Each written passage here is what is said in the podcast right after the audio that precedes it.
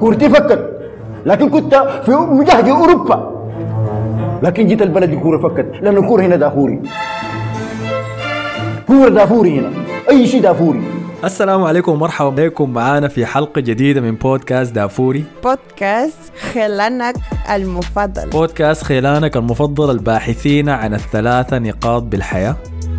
معكم كالعادة في الاستضافة زميلكم أحمد الفاضل وزملائي مصطفى نبيل. أهلا بكم يا شبابيخ وحسن فضل أهلا بك يا حسن. أهلين وسهلين بالمستمعين واهلا بك أنت يا أحمد. نور. وين الناس؟ أنا قاعد ما وجدت حتة يا مان. يا سلام. في مختفي الإنجليزي. شايف قمصان ارسنال كترت يا مان. هاي رأيك شنو يا. أحمد طبعا بورينا كل حلقة بيجي بيسجل بقميص ارسنال مختلف. تيشيرت جديد. أي طبعا أنتم ما شايفين لكن شنو أنا لابس؟ فلينة ارسنال اللي فيها حقت التسخين. اللي فيها اللي فيها علم جامايكا أصفر بيكون واخضر شكلها غلط في الناس البيض دي. لا شديدة يا أخي. شديدة شديدة. كلتشر ابروبريشن في سميث رو شديده لا في. اسم زر الكعب طب انت ما جاوبت على السؤال يا أحمد. انت كنت وين الحلقة اللي فاتت؟ انت كده قاعد تلخبط الكيمان بالمناسبة.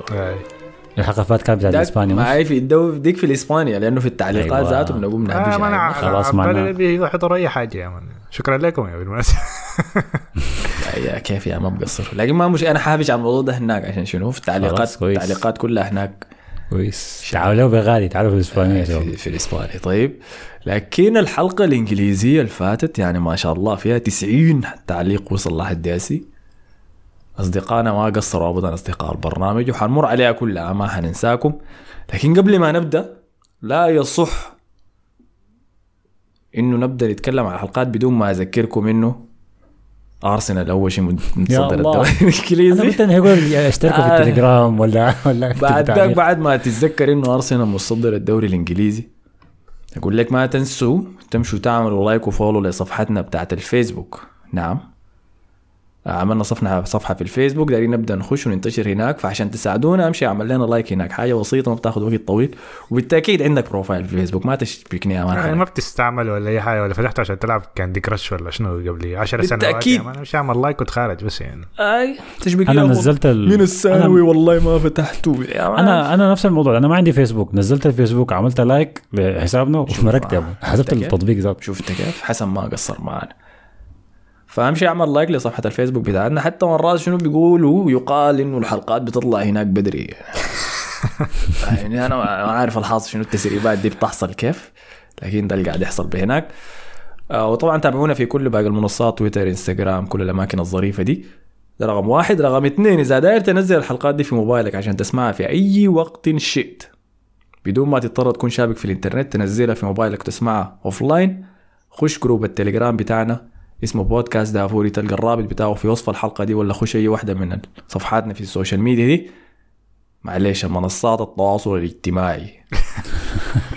دي واحدة من أهدافي في العالم الجديد في في 2023 إنه احسن لغتي العربية. كويس. واشتريت دقيقة أوريكم اشتريت معجم. بتاع اللغة العربيه اسمه معجم الصحاح. اسمه حتى رجعوك. صف رابع ابتدائي ليه ما فتش في جوجل يا man ليه يعني. لا لا يا. man فهمتني عشان كل يوم أتعلم كلمة جديدة أيوة، okay. واستخدمها ذات تعلمت؟ شنو حيكون عندنا فقرة كلمة. حسي بديك دقيقة بس.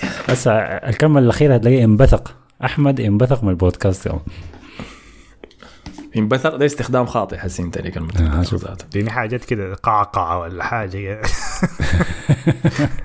كده؟ حديك كويس.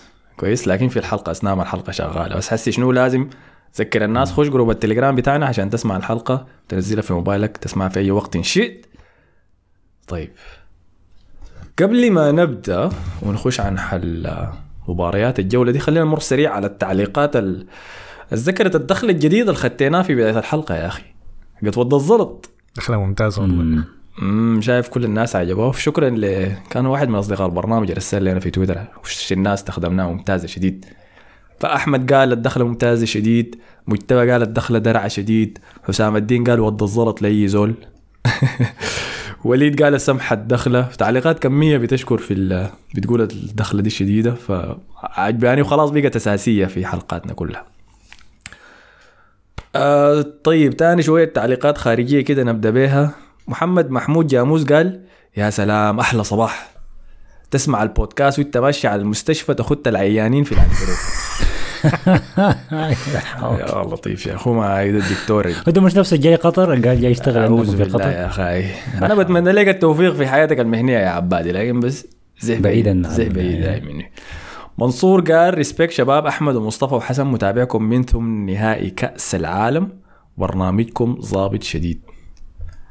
أهلا بك يا أخي. شكرا لك. على تعليقك يا منصور. عصام الدين الكريم قال يا تورونا الموسيقى في ال background والله نطالب بإعدام الكديسه الصوتها بيظهر في ال background دقيقه 68 شنو الطلب الما متوازن ده؟ إعدام عديل كده؟ عادي دي مبالغة يعني. هو والله يا أخي. أنا راجعت الملفات لأنه فعلا الحلقة كان فيها صوت كديسة في الدقيقة 68 فمشيت راجعت ملفاتنا إحنا الثلاثه وما لقيت صوت كديسة في أي واحدة منهم. فالموضوع مخيف. شبح يعني. دي بتتخيل يا مان موضوع مخيف يا مان كويس؟ فيمكن ده شغل جن وبتاع وكجر وفهمتني حاجات زي دي.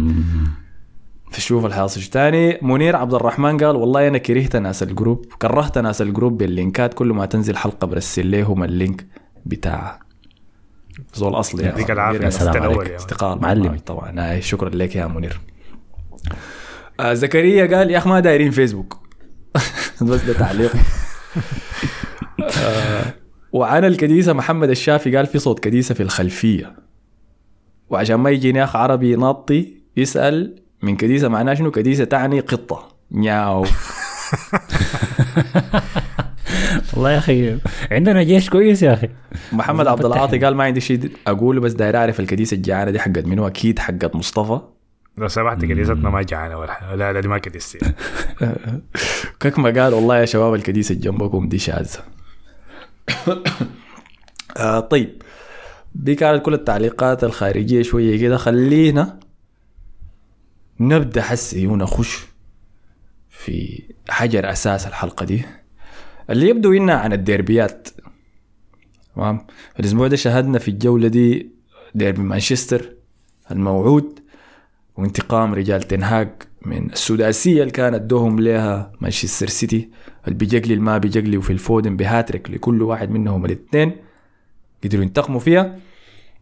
بالجهة الثانية شهدنا ديربي شمال لندن كمان بين أرسنال وتوتنهام. برضو شهدنا فيه انتقام أرسنال على ما حدث في الموسم السابق لما خسروا أرسنال هناك بثلاثية نظيفة. متذكر المباراة دي كان مصطفى؟ آه. ديك المباراة اللي لقيت فيها حسام صح؟ بالضبط بالتأكيد. من قلب المعاناة ولد ركن المدفعجيه يا سلام.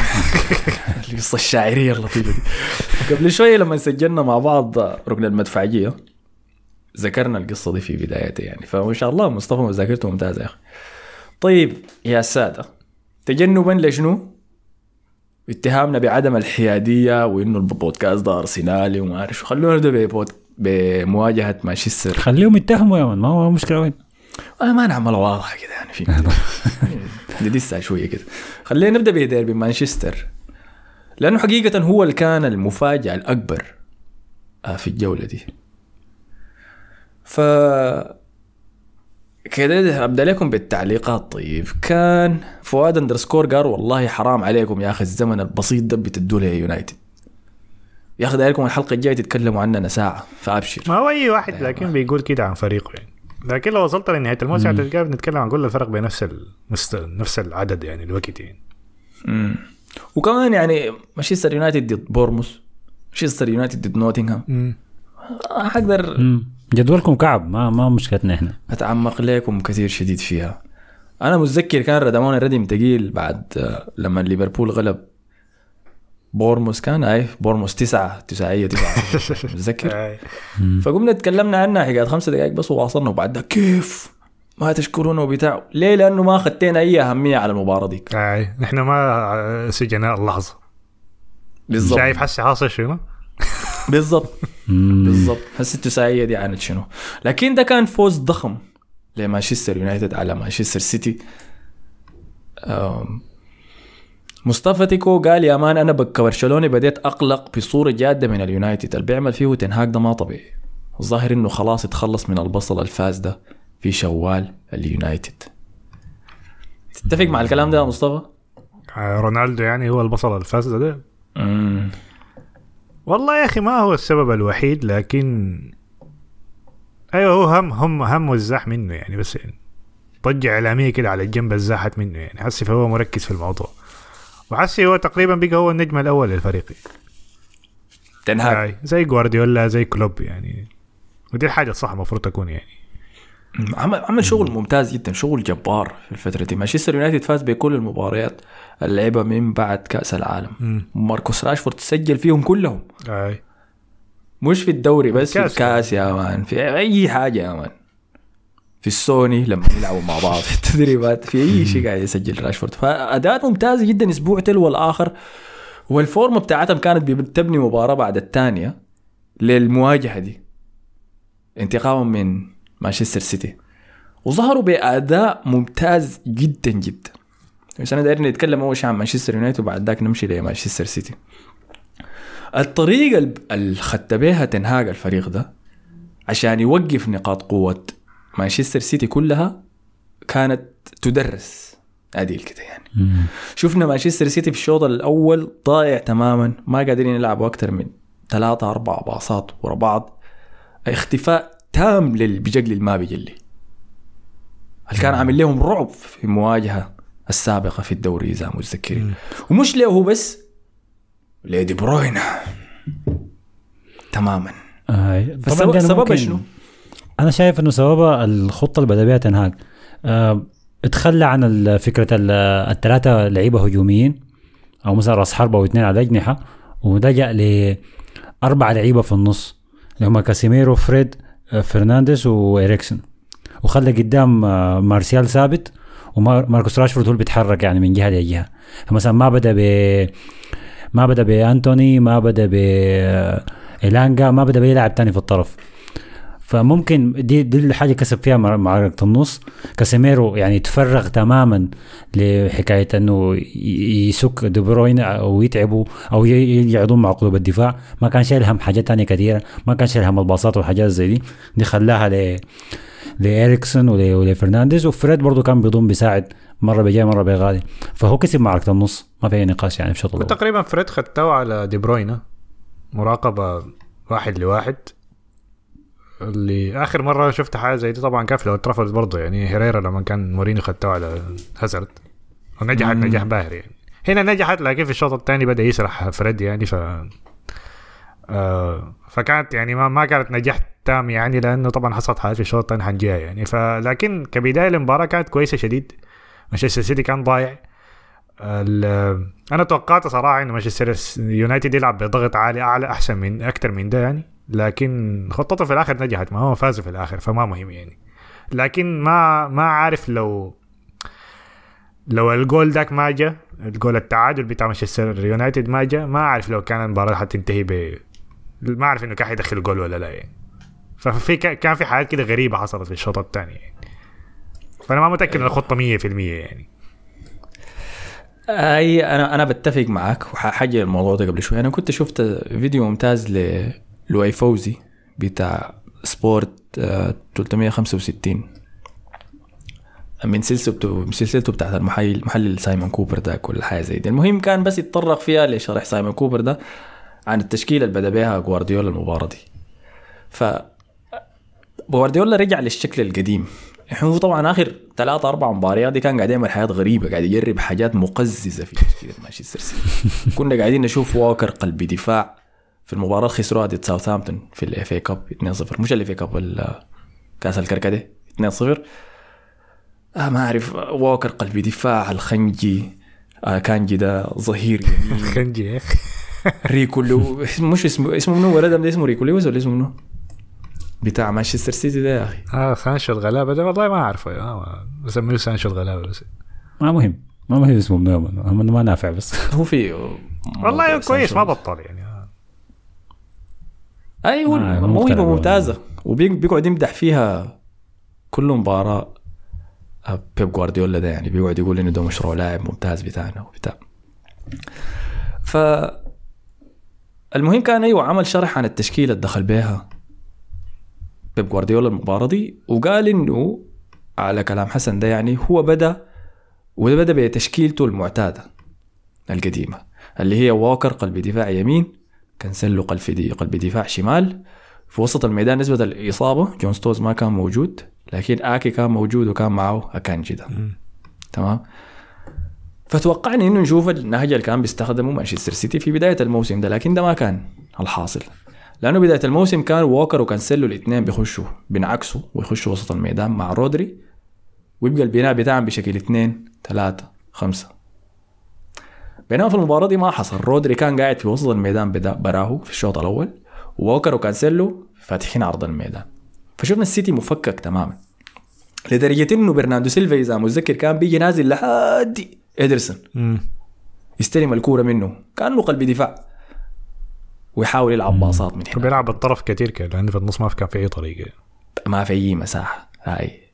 برناردو سيلفا كان سيء امبارح الموسم ده كله ما أنا شايف الموضوع عشان مركز هو بيحب يلعب في مركز دي بروين لكن أنا شايف كده غايته دول لأنه داير يتخارج من ممكن برضه أيوه.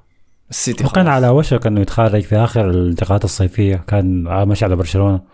لكن عدم خروج دي يونغ لليونايتد منع برناردو سيلفا إنه يجي برشلونة. فممكن يكون هو بس داير يعدي الموسم ده على خير بس ويشوف له طريقة مرقه يعني. وما ناجح.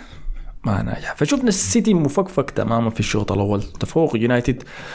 كان عندهم أكثر من فرصة إنهم يسجلوا كمان. كان في فرصة آه، راشفورد. آه ادرسون طلع فيها ده طلع فيها ادرسون ده بقى مريب يعني. جدا جدا. هو من من يومه مريب يعني. لا حتى يعني حتى تصديات بقت ما ما في غريب يعني كده. من- مستواه غريب. هل عدم وجود قلوب الدفاع المتعود عليهم قدامه؟ اللي هو بين آه، ستونز ولابورت و واسمه ذاك روبرت رو- روبن دياس التل- الثلاثه ديل متعود يشوفهم دائما قدامه ما فيشين فبين كانجي وآكي مؤثر عليهم ممكن كثير ضرته يعني. الغياب بتاعهم مؤثر عليهم كثير أيوه. هو ده سبب ضعفهم الدفاعي الموسم ده. أنا ما أعرف ده بيحصل كل موسمين يعني. يعني سنة بيكون لاعبين كويس السنة الثانية بي... بعدين بيزهج بيجيب مدافع تاني يا مان برضه بيشبههم التل... اللاتينيين ديل يا مان برضه بيقعد يصابوا كده يعني.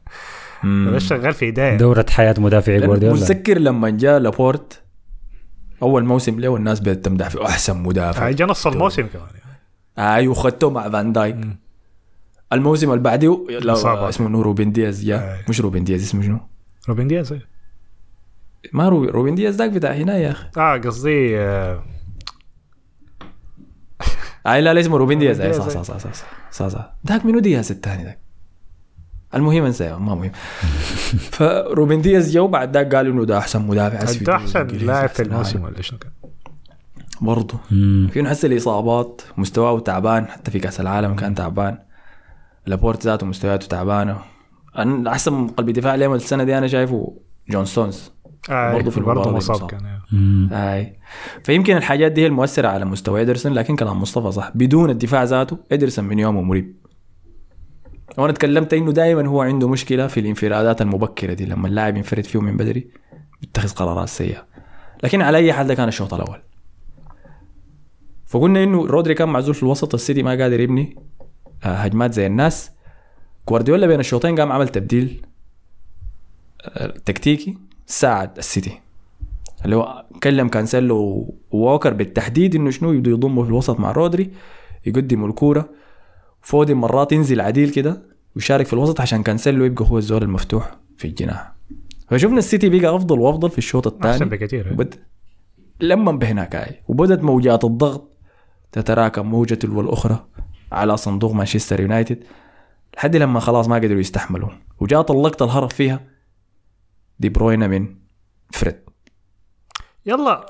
في التعليقات في ناس كتير بتنتقد في دي بروين أنا دي بروين في المباراة دي ما شايفه كان كعب أنا شايفه لما كان بيجي في الكورة حتى في الشوط الأول كانت الخطورة كلها بتجي منه يعني كان عنده cross كده كويس يعني لكن هالاند ما وصل له في الشوط الأول. أظن خمسه لمسات هو في الشوط الأول كلها يعني حاجة زي حاجة بسيطة كده. فلما كان بيصل على الكورة كان مستواه كويس يعني. في الشوط الثاني كان أحسن بكثير يعني. قدر يهرب من فريد ما أعرف فريد سرح ولا حصل له شنو يعني. آه لكن كان أحسن بكثير يعني في الشوط الأول. فأنا ما شايفه كان كعب في المباراة دي شايفه كان كويس يعني. هو في اللقطة دي هرب من فريد أول شيء؟ لكن لأنه خلاص السيتي بدأ يحشر يونايتد جوا صندوقهم كاسميرو كان معه جوا الصندوق لما رفع العرضيه دي بالمناسبة. عشان الناس ما تخوض عينها يا ما تجي تحكي لي عن كاسميرو الممتاز كان معاه دي بروين جوا الصندوق وقدر يزح منه ويرفع العرضيه جنبه. عشان جريليش أنا ما أعرف دي بروين. ده بيطلع من تدخلات كثيره شفتها كثير يعني مع ريال مدريد دائما بتحصل. عنده الحركة دي دائما يعني بيطلع من وده ردي لكم على كل الناس اللي بتنتقد دي بروين في, التعليقات؟ إنه اللعيبة العالميين ديل الأعلى جودة ممكنة. ما بتقدر توقفهم 90 دقيقة كاملة ما بتقدر. آه، حيمرق منك يا man خمسة دقائق 10 دقائق والله يعينك لو مرق منك 10 دقائق لأنه اللعيبة زي ديل ده كل الوقت اللي بيحتاجوا له. فكان ام بي إكس ام بي إكس سي كتب تعليق قال بخصوص كيفن دي بروين اللاعب هذا ممكن في مباراة واحدة يبدع ويدخل top five في البالون ديور. أحكم عليه نهاية الموسم على الألقاب اللي أخذها السيتي. الموضوع الثاني يبدو لي أن كاسميرو أفضل نسخة له ستكون على يد أبو صلعة بيضاوية فهو قاعد يقول ما تحكموا على دي بروين بدري. وإنه أفضل نسخة من كاسميرو حتجي تحت تنهاك فسجل مانشستر سيتي الهدف الأول. ويبدو إنه شنو؟ منو فيكم الكتب قال خلاص ليبيا فتحت؟ أنا كتبت. فبدأ إنه خلاص هي البوابات حتتفتح. قام بعد ذاك حصل شنو يا مصطفى؟ بعديها طبعا جات ال جات اللقطة يعني أتكلم عنها أكتر حاجة يعني أنا أتكلم عنها دقيقة 10 دقائق لقطة الجول بتاع التعادل بتاع مانشستر سيتي. آه، كانت كورة من كاسيميرو لراشفورد اللي كان واضح إنه في منطقة تسلل. آه، فكان ماشي على الكورة لكن ما لمسها يعني. لحد ما وصل منطقة الجزاء آه، برونو فرنانديز جاري من هناك كمان. فشاتها طوالي برونو فرنانديز جاب منها الجول يعني. فحسب الجول لأنه ما كان في تدخل على بين بين قوسين يعني ما كان في تدخل في اللقطة يعني من راشفورد. هو في البداية اداه تسلل بعدك رجع في قراره آه أي أي. لا هو ما ادى تسلل هو ما ما أظن رفع الراية. لا الحكم الراي رفع هو رفع حكم الراية رفعها أنت ما شفت برونو كان بيبكي كيف قدام الحكم؟ أي. كورة فقام مشى مشوا له والحكم ذاته مشى له. فحكم الراية قال له آه، راشفورد كان offside فاذا راشفورد لمس الكورة offside هو. جون ده ما يتحسب. فهو قام قال له راشفورد ما لمس الكورة. آه، برونو فرنانديز هو السدد الكورة. فقام قال له خلاص معناه ما offside يعني. فبعد ذاك عمل ده هو الجدال الكبير. يعني هل راشفورد أثر على اللعب ولا لا؟ مم. فأنا هنا داير أسألكم إنتوا إنتوا شايفين الجون صحيح ولا شايفين راشفورد أثر على اللعب و offside أنا شايفه أثر على اللعب. لأنه يعني هو أول حاجة حامي حامي الكورة نوعا ما من أكانجي اللي هو كان جاي من ورا. فأكانجي كان ماشي على الكورة لكن راشفورد ماسك يعني نوعا ما يعني حتى لو ما عامل لها shielding يعني ولا عامل لها زي درع يعني لكن أكانجي كان جاري على الكورة وراشفورد كان قدامه فما حيقدر يصل لها يعني. فبعدين جاب برونو ده تدخل فأنا شايفه تدخل واضح يعني فالناس كلها يعني حتى اللاعبين يعني هو أصلا المفروض يلعب على صفقة الحكم في الآخر صح؟ لكن اللاعبين كلهم عارفين إنه راشفورد كان مسلل يعني يلا أنا دي دي الحاجة يا مصطفى أنا زعلتني في اللقطة دي. أيوه أنا عارف أنا معاك إنه راشفورد حمل الكورة وساقها سواقة عديل يعني وصلها لحد ما برونو فرنانديز ساقها فهو كده أثر على اللعب. فهي تسلل. لكن أنا ما دي الحاجة اللي زعلتني. أنا زعلني تصرف أكانجي في اللقطة دي. أنت مفروض تكون ذكي شوية. هم بيقولوا لك اكانجي ذكي وبيفهم في الرياضيات وبيدو مقابلاته كلها ولا احسب دي واضرب دي واقسم دي انت المفروض تكون ذكي وتعرف الحاصل شنو في اللقطة دي وتعمل نفسك عايز تجيب الكرة وراشفورد حاميك. كويس؟ وت- وتلعب لعب خبيث كده بس على الحكم إنه شوف اللاعب ده حاميني وهو متسلل. فكده انت بتنهي الجدال. لكن أكانجي ما جرى كده ما تحسبه واهتم خلى الموضوع. ما لا ودي غلطته لا هنا. أنا ما أظن ده, ده, ده نوع من التعويدة لأنه في الدوري الإنجليزي عارفين إنه أوكي أنا بس حمشي وراه شوية وأنا عارفه إنه ما حيرفع الرايه لحد ما يشوتها في الجول مثلا بقى حيرفع الرايه يعني. بنشوفها من بداية الموسم وال... والمدافعين دايما بيشتكوا منها يعني. فأظن التعويد إنه خلاص أيوه الزول ده ماشي على الجول وحيحس يحسبها offside وخلاص يعني. فهي نوع من فيها يعني صعبة شديدة أنا ألوم فيها المدافعين. أنا ممكن ألومه هو كان من هو اللي كان مراقب برناردو برونو فرنانديز؟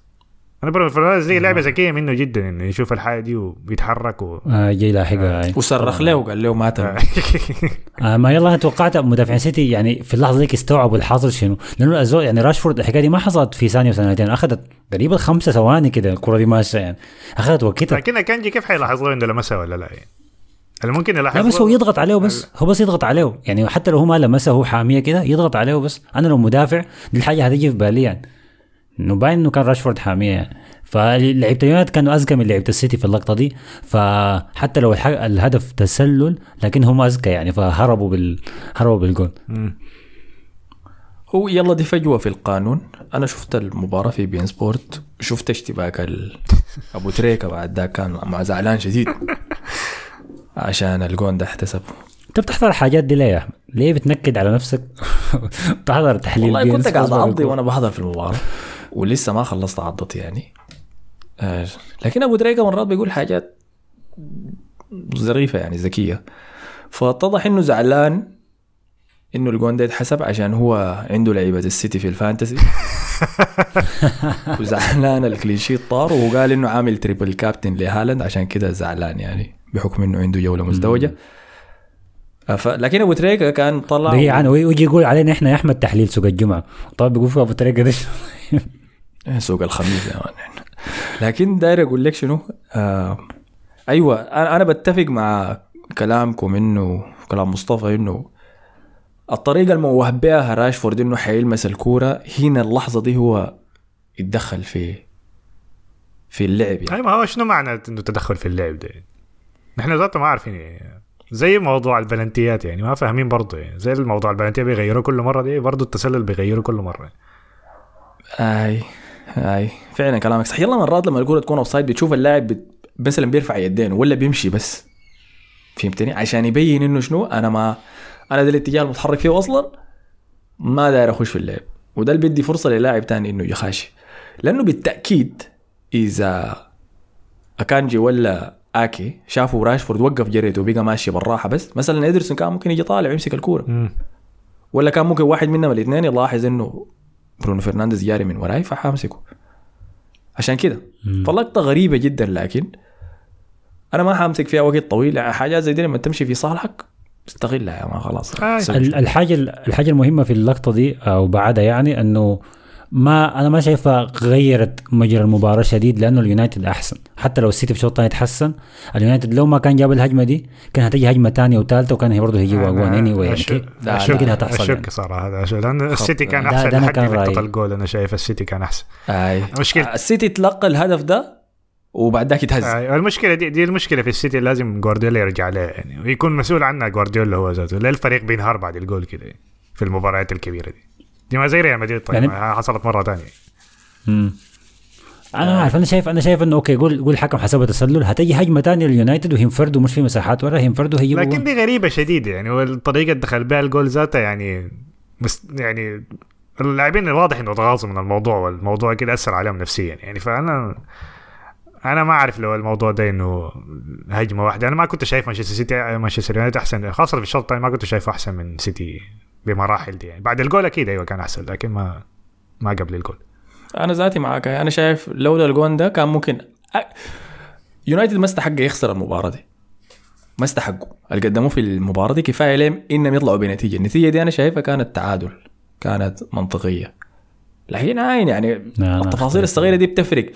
اذا اتظلموا في الجون ده ما مشكلة. زي زي ما قال مصطفى قبل شوية ما يأكلوا الجون الثاني طوالي بعدين. وده هو اللي حصل لهم يعني. أنتوا ورونا رأيكم شنو في الفرصة دي؟ أنا حتى مشجعين يونايتد اللي تكلمت معاهم سألتهم فيها قالوا لي كل ما هي man offside لكن شنو؟ بنشيلها يا ما ما يلا شوف أنا لو فريق بيكون لاعب مباراة كاملة كعب وكويس وما أساسا ما مقدم كورة وما يستاهل وفجأة جاته هجمة مرتدة زي دي وحصل فيها الحاجة دي آه دي ده شيء ممكن يكون مستفز يعني وإنت ما لما تفرح بفوز زي ده بيكون ما حلوة يعني. لكن هم لاعبين كورة كويسة okay مستواهم شوي نزل الشوط الثاني لكن لسه كنت شايفهم أخطر وكان عندهم انه يعني السيتي بدأ يتحسن لكن في في ثغرات ورا كثيره لما السيتي يخليك مساحات. فكان اليونايتد كان جاي جاي عن طريق غلطة عن طريق مهارة عن ط- كان هيجي هيجي. فهم بس استغلوا الفجوة دي الح- التحكيمية زي ما انت قلت وجابوا منها جون. فعشان كده أنا ما شايف إنه آه، ما يعني ما أنا ما هشيل أي حاجة من اليونايتد بالعكس شايف إنه بيستاهل الفوز كمان. الفوز 2-1 مستحق ليونايتد تماما يعني. أيوه هو فوز مستحق يعني لكن برضه يعني ال... أنا شايف إنه الجول اثر يعني طريقة أثر، الجول كان اثر أكيد عليه. أثر. السيد أحمد ما كنت مبسوط بالهدف لما جاء؟ ما أنت عندك مصالحك الشخصية ما عايز السيتي يفوز. اي أنا بكرههم الاثنين. اي لكن إحنا بندعي حياديه حياديه لا أنا ما بدي يعني عمر الفاروق قال مبروك لمانشستر يونايتد رغم هدف برونو الأوفسايد. كده ممكن نقول الدوري الإنجليزي سخن وفي متعة حاصلة بسبب التنافس الكبير في الفرق. هاي فريقهم نقطة واحدة بس من السيتي. يعني جد. بعد ده خرب قال متمني خسارة الأرسنال. عشان نستمتع بالدراما اللي بتحصل جدولهم سهل. بالمناسبة. عندهم مباراتهم الجايه كلها سهلة. آه، الله ما بس أرسنال يعني. لكن بعديها مباراتهم كلها يعني في المتناول. وقال دي بروينا يساوي العنقريب. وكل التوفيق لكم يا معلمين. آه طيب آه، قرناتشو بعد ذاك دخل. آه لا لا دقيقة. مارشيال كان مرق. ذلك في الشوط الأول إيه. الناس كلها قايلة إنه راشفورد حيطلع مارشال. راشفورد المصاب قاعد ومارشال طلع له إصابة من ما فيه فطلع ودخل مكانه أنتوني. أتكلم ولا ما في داعي؟ عارفين خلاص عارفين. عارفين. كل الناس أيوة. عارفين. أيوة. اي يا man آه راشفورد لو كان ما كان جاته الإصابة دي كان كمل الكرة كاملة يعني. ما كان أعتقد عمل التبديل ده. مارشيال وما- ده مهاجمهم. الوحيد. فحسي لكن لكن السؤال بيطرح نفسه ليه ليه جوارديولا بس عمل التبديل الوحيد اللي هو تبديل جريليش اللي طبعا جاب لي الهدف؟ ما عمل أي تبديل تاني. معقول دكة السيتي ما في أي شيء يعني فودن يحسن. ما عمل أي حاجة في كل الدقائق اللعبه دي جريليش يعني مستوياته مصاعدة صراحة والله. ممتاز كويس. كويس شديد. من بعد الكاس العالم ممتاز جدا. محرز. يعني مباراة مباراتين كده كان كويس لكن المباراة دي كان كعب برضه. هو دخل؟ كان لاعب من البداية. وبدا كيف يا أخي؟ محرز وملاسيا كانت المعركة الحظة بين غالي ديك. بهدل ملاسيا. ده ملاسيا ده راسه فيه حاجة. يا مان الزول ده ما أو طبيعي فاضي ما في حاجة. لا لا هو ما طبيعي يا man الزول ده. بعد العمل في مباراة الكاس ديك يا man اللي رسلتها عليكم دي اخذتها في انستغرام بتاعه. الزول ده قتل يوبي. يوبي ده شالوه. أنا ما أعرف لعب المباراة دي كيف ذاته يا man. الزول شالوه بحمال عديل بعد المباراة ما اخذتها في الصورة ال- صور كتيرة كده ما اخذت صورته وهو قاعد يكسر يوبي حاجة حاجة غريبة شديد يعني. أنا ما بتعجبني الحركة دي يا آه، لكن أيوه كان عنده ملحمة شغالة مع محرز في الجهة اليمين هناك وقدر يأدي فيها كويس يعني. أنه وقع كثير يا قرب يموت هو ذاته. فرقته يكمل كده خلاص. آه خلاص يا سلم امره كيف فبعد هولندي. وزلكم في الشوط الثاني آه وقدروا يسجلوا مانشستر يونايتد مباشرة. الهدف الثاني عن طريق راشفورد. بعد حمل ممتاز للكورة من جرناتشو ذاته في الجهة الشمال. وقلنا إنه جوارديولا عكس ال- الأظهرة في الوسط. وخلاهم يتقدموا زيادة كمان عشان يشاركوا في البناء. وفي اللقطة ديك شفنا كايل ووكر هو متقدم زيادة. جرناتشو مرق في جهته. جوا الصندوق. راوغ المدافع ذاك كان واحد لواحد. أنا متذكر منه. مرر لراشفورد عشان يسجل الجون الثاني ويستمر في سلسلته التهديفية. فكانت عودة ممتازة من مانشستر يونايتد. إحنا تكلمنا إنه الجون الأول حقه مداسر على الأجواء ولا لا؟ تكلمنا عن إنه تغييرات تنهاج تكتيكه إنه كان يوقف السيتي. أنا شايف دي كلها حاجات كويسة لكن الإنجاز الأول الضخم اللي سواه تنهاج في فريق مانشستر يونايتد ده إنه زرع فيهم العقلية دي المحاربه لآخر دقيقة. وشفناه في مباريات مختلفة حتى المباريات اللي خسر فيها آخر مباراة خسرها كانت الديربي ده ذاته ضد مانشستر سيتي السداسية. يا ساتر. فحتى في السداسية ديك شفنا الفريق الشوط الثاني قدر يسجل ثلاثة أهداف. عشان يصلح النتيجة شوية على الأقل. أخير 6 3 من 6 0 آي. لكن الحاجة دي موجودة فيه عبر كل المباريات اللي بيشاركوا فيها يونايتد. حتى مباراة تشيلسي إذا متذكرين الواحد واحد لما في آخر دقيقة يونايتد بدأ يلعب على التعادل لوك شو بعد ما كاسميرو سجل الجون ذاك النتيجة بقت واحد واحد لوك شو كان بيضيع الوقت في آخر الدقائق. ليه؟ عشان كويس له انه يمرق بنقطة واحدة من ستامفورد بريدج. من منطقة المدربين تنهاك كان بيصرخ فيه نظام خت الكورة في الأرض والعب حسي. لحد هسي يا man. في دقيقة واحدة بس زمن إضافي فضلت. لسه هو داير الفوز. فدي الحاجة تتحسب لمانشستر يونايتد. كان سهل شديد إنه رؤوسهم تقع بعد ما جريليش سجل الجون الأول ذاك. ونحن محشورين في صندوقنا من بداية الشوط الثاني. لكن العقلية لا زالت العقلية الانتصارية ظهرت هسه ده كله الكلام ده كله في فترة بسيطة شديد. يعني في كم أربع شهور تقريبا. امم يعني ونادي كم مر بمشاكل إعلامية كثيره وفي لاعب نجم كبير اسطوره للنادي برضه عنده مشاكل.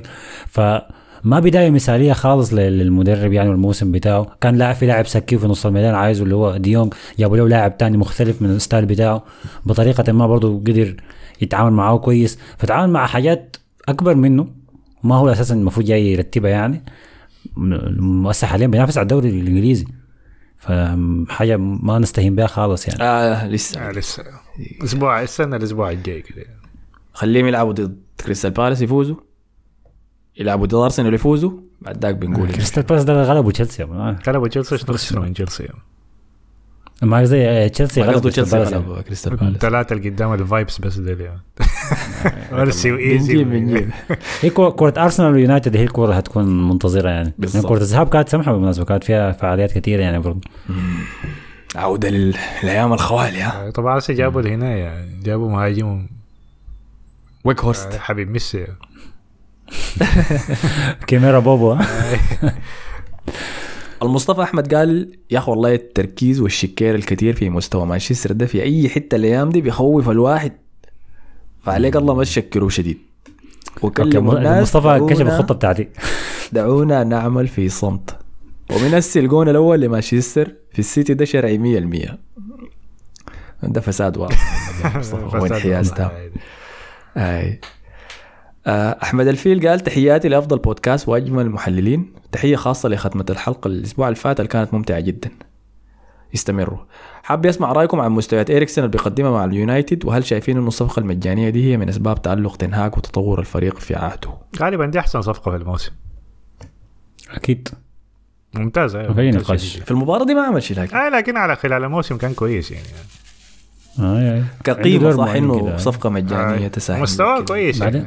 لاعب الوسط يعني هو كاسيميرو أحسن اثنين يعني.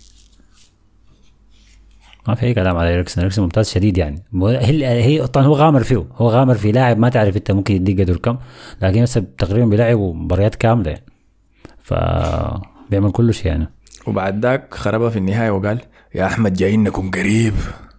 وحننافسك على الدوري إن شاء الله. شيل شيلتك. خليني أكتب اسمك يا أحمد. الفيل دقيقة بس عشان شنو؟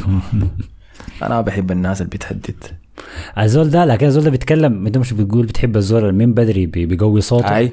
فهو بيقوي صوته من السريع. عشان كده داير اكتب اسمه أي عشان ما انساك مشكلتك ذاتك ما عرفت تقوي صوتك من هسه. ليه ما احمد أحمد خواف آه، يعني. موضوع الدوري اللي عدى هسه ما تدق صدرك يا مان. يا أخي إنتوا بتسألوني من حاجة هتحصل بعد خمسة شهور. آه، إنت يا ماما أنا بس آه. آه، نفس الحاجة. ثقة دايرين ادوك ها طيب عاين اسمع يا أحمد الفيل. يونايتد وأرسنال لاعبين ضد بعض يوم الأحد صح؟ أنا بقول لك هسه أرسنال حيفوز. كم؟ لكن حنفوز حنفوز بالتأكيد يعني أنا دي ما عندي شك فيها. آه، مؤمل الصديق قال فاران لعب مباراة ممتازة يا أحمد. ما هو رأيك شنو رأيك شنو يا مصطفى؟ دقيقة أنا لا هسي كان كويس أيوة. لكن ما كان ظاهرين يعني. ما حاجة كده يعني كان ظاهرة شديد يعني لأنه ما كان في تدخل. شفنا م... شفنا حاجة كده منه لا ما شنو ما هو مدافع لا لازم أي مباراة يعمل حاجة. يعني مستوياته كويسة في الفترة اللي فاتت. طيب شفنا حاجة من لو شو اللي كان لا، لاعب قلب دفاع. جنبه؟ طيب ما ده لكن ده السؤال يا أحمد. إنت ديل الاثنين قاعدين جنبهم هالاند إذا هم ما عملوا أي حاجة غلط معناها سووا دورهم اللي عليهم يعني. أنا جاي لهالاند بعد شوية. اديك الحاصل فيه شنو لكن أديك آه، هو هو معل... تعليق ممتاز ده يا مؤمل مؤمل. آه، في مشكلة عندي أنا في فهمي الكروي. هي مش مشكلة هي زي بس نقطة محتاجة تظبيط. أنا بعاني عشان أحكم على المدافع عارفه كويس ولا لا.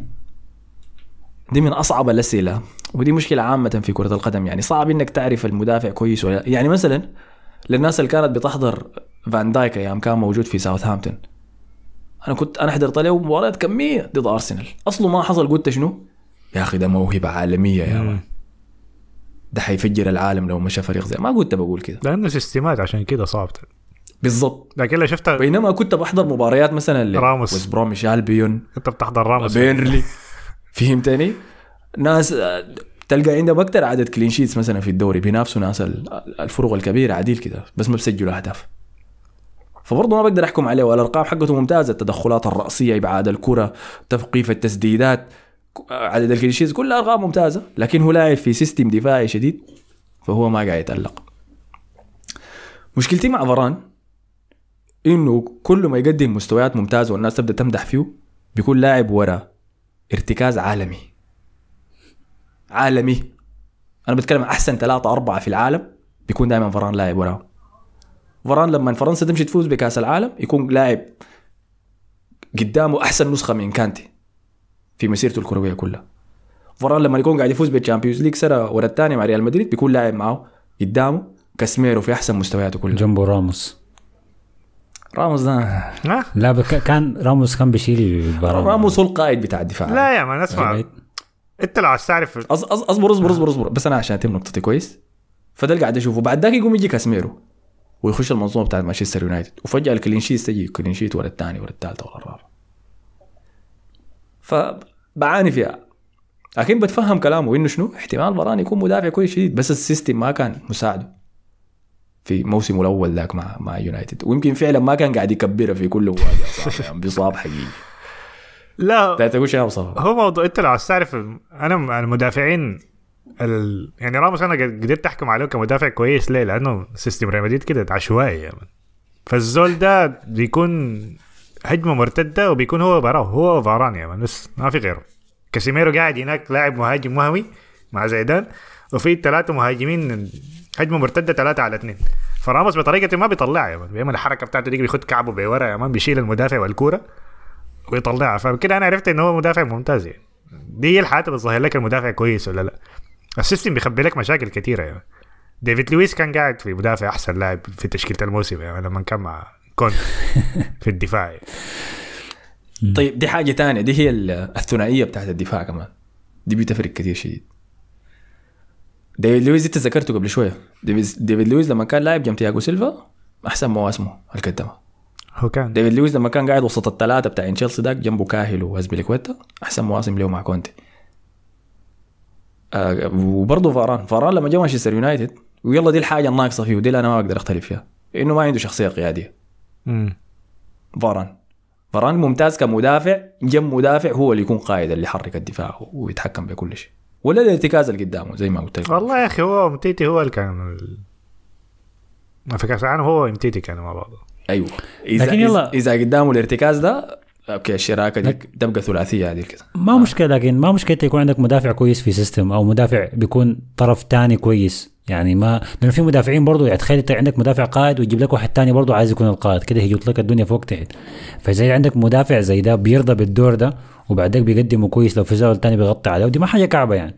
بس أنت تعرف توظفه في الحاجة اللي هو بيقدر عليها يعني وما تحمل المسؤوليه أكبر من مسؤوليته ال system. كويس لكن ده حاجة عجيبة لما نتكلم عن الكلاسيكو هناك لكن ال system كويس لكن لما المواضيع تجوط يا man بعدين ال system ما بينفعك. يعني. دي بتحصل حصل دوري أبطال السنة اللي فاتت كله كان كده يعني مواضيع بتجوط كده بعدين ال system ما بينفعك.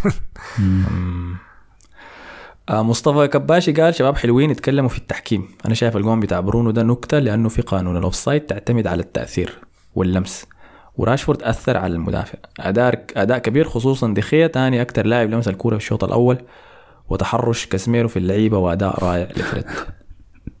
دخيا كان كويس شديد والله أنا ما أقدر أنساه كمان واظلمه توزيعه تحسن كثير شديد تحت هناك آه، مصطفى كباشي استمر وقال أداء مريب لأنتوني وبرونو أيضا. برونو أيضا كان سيء دفاعيا.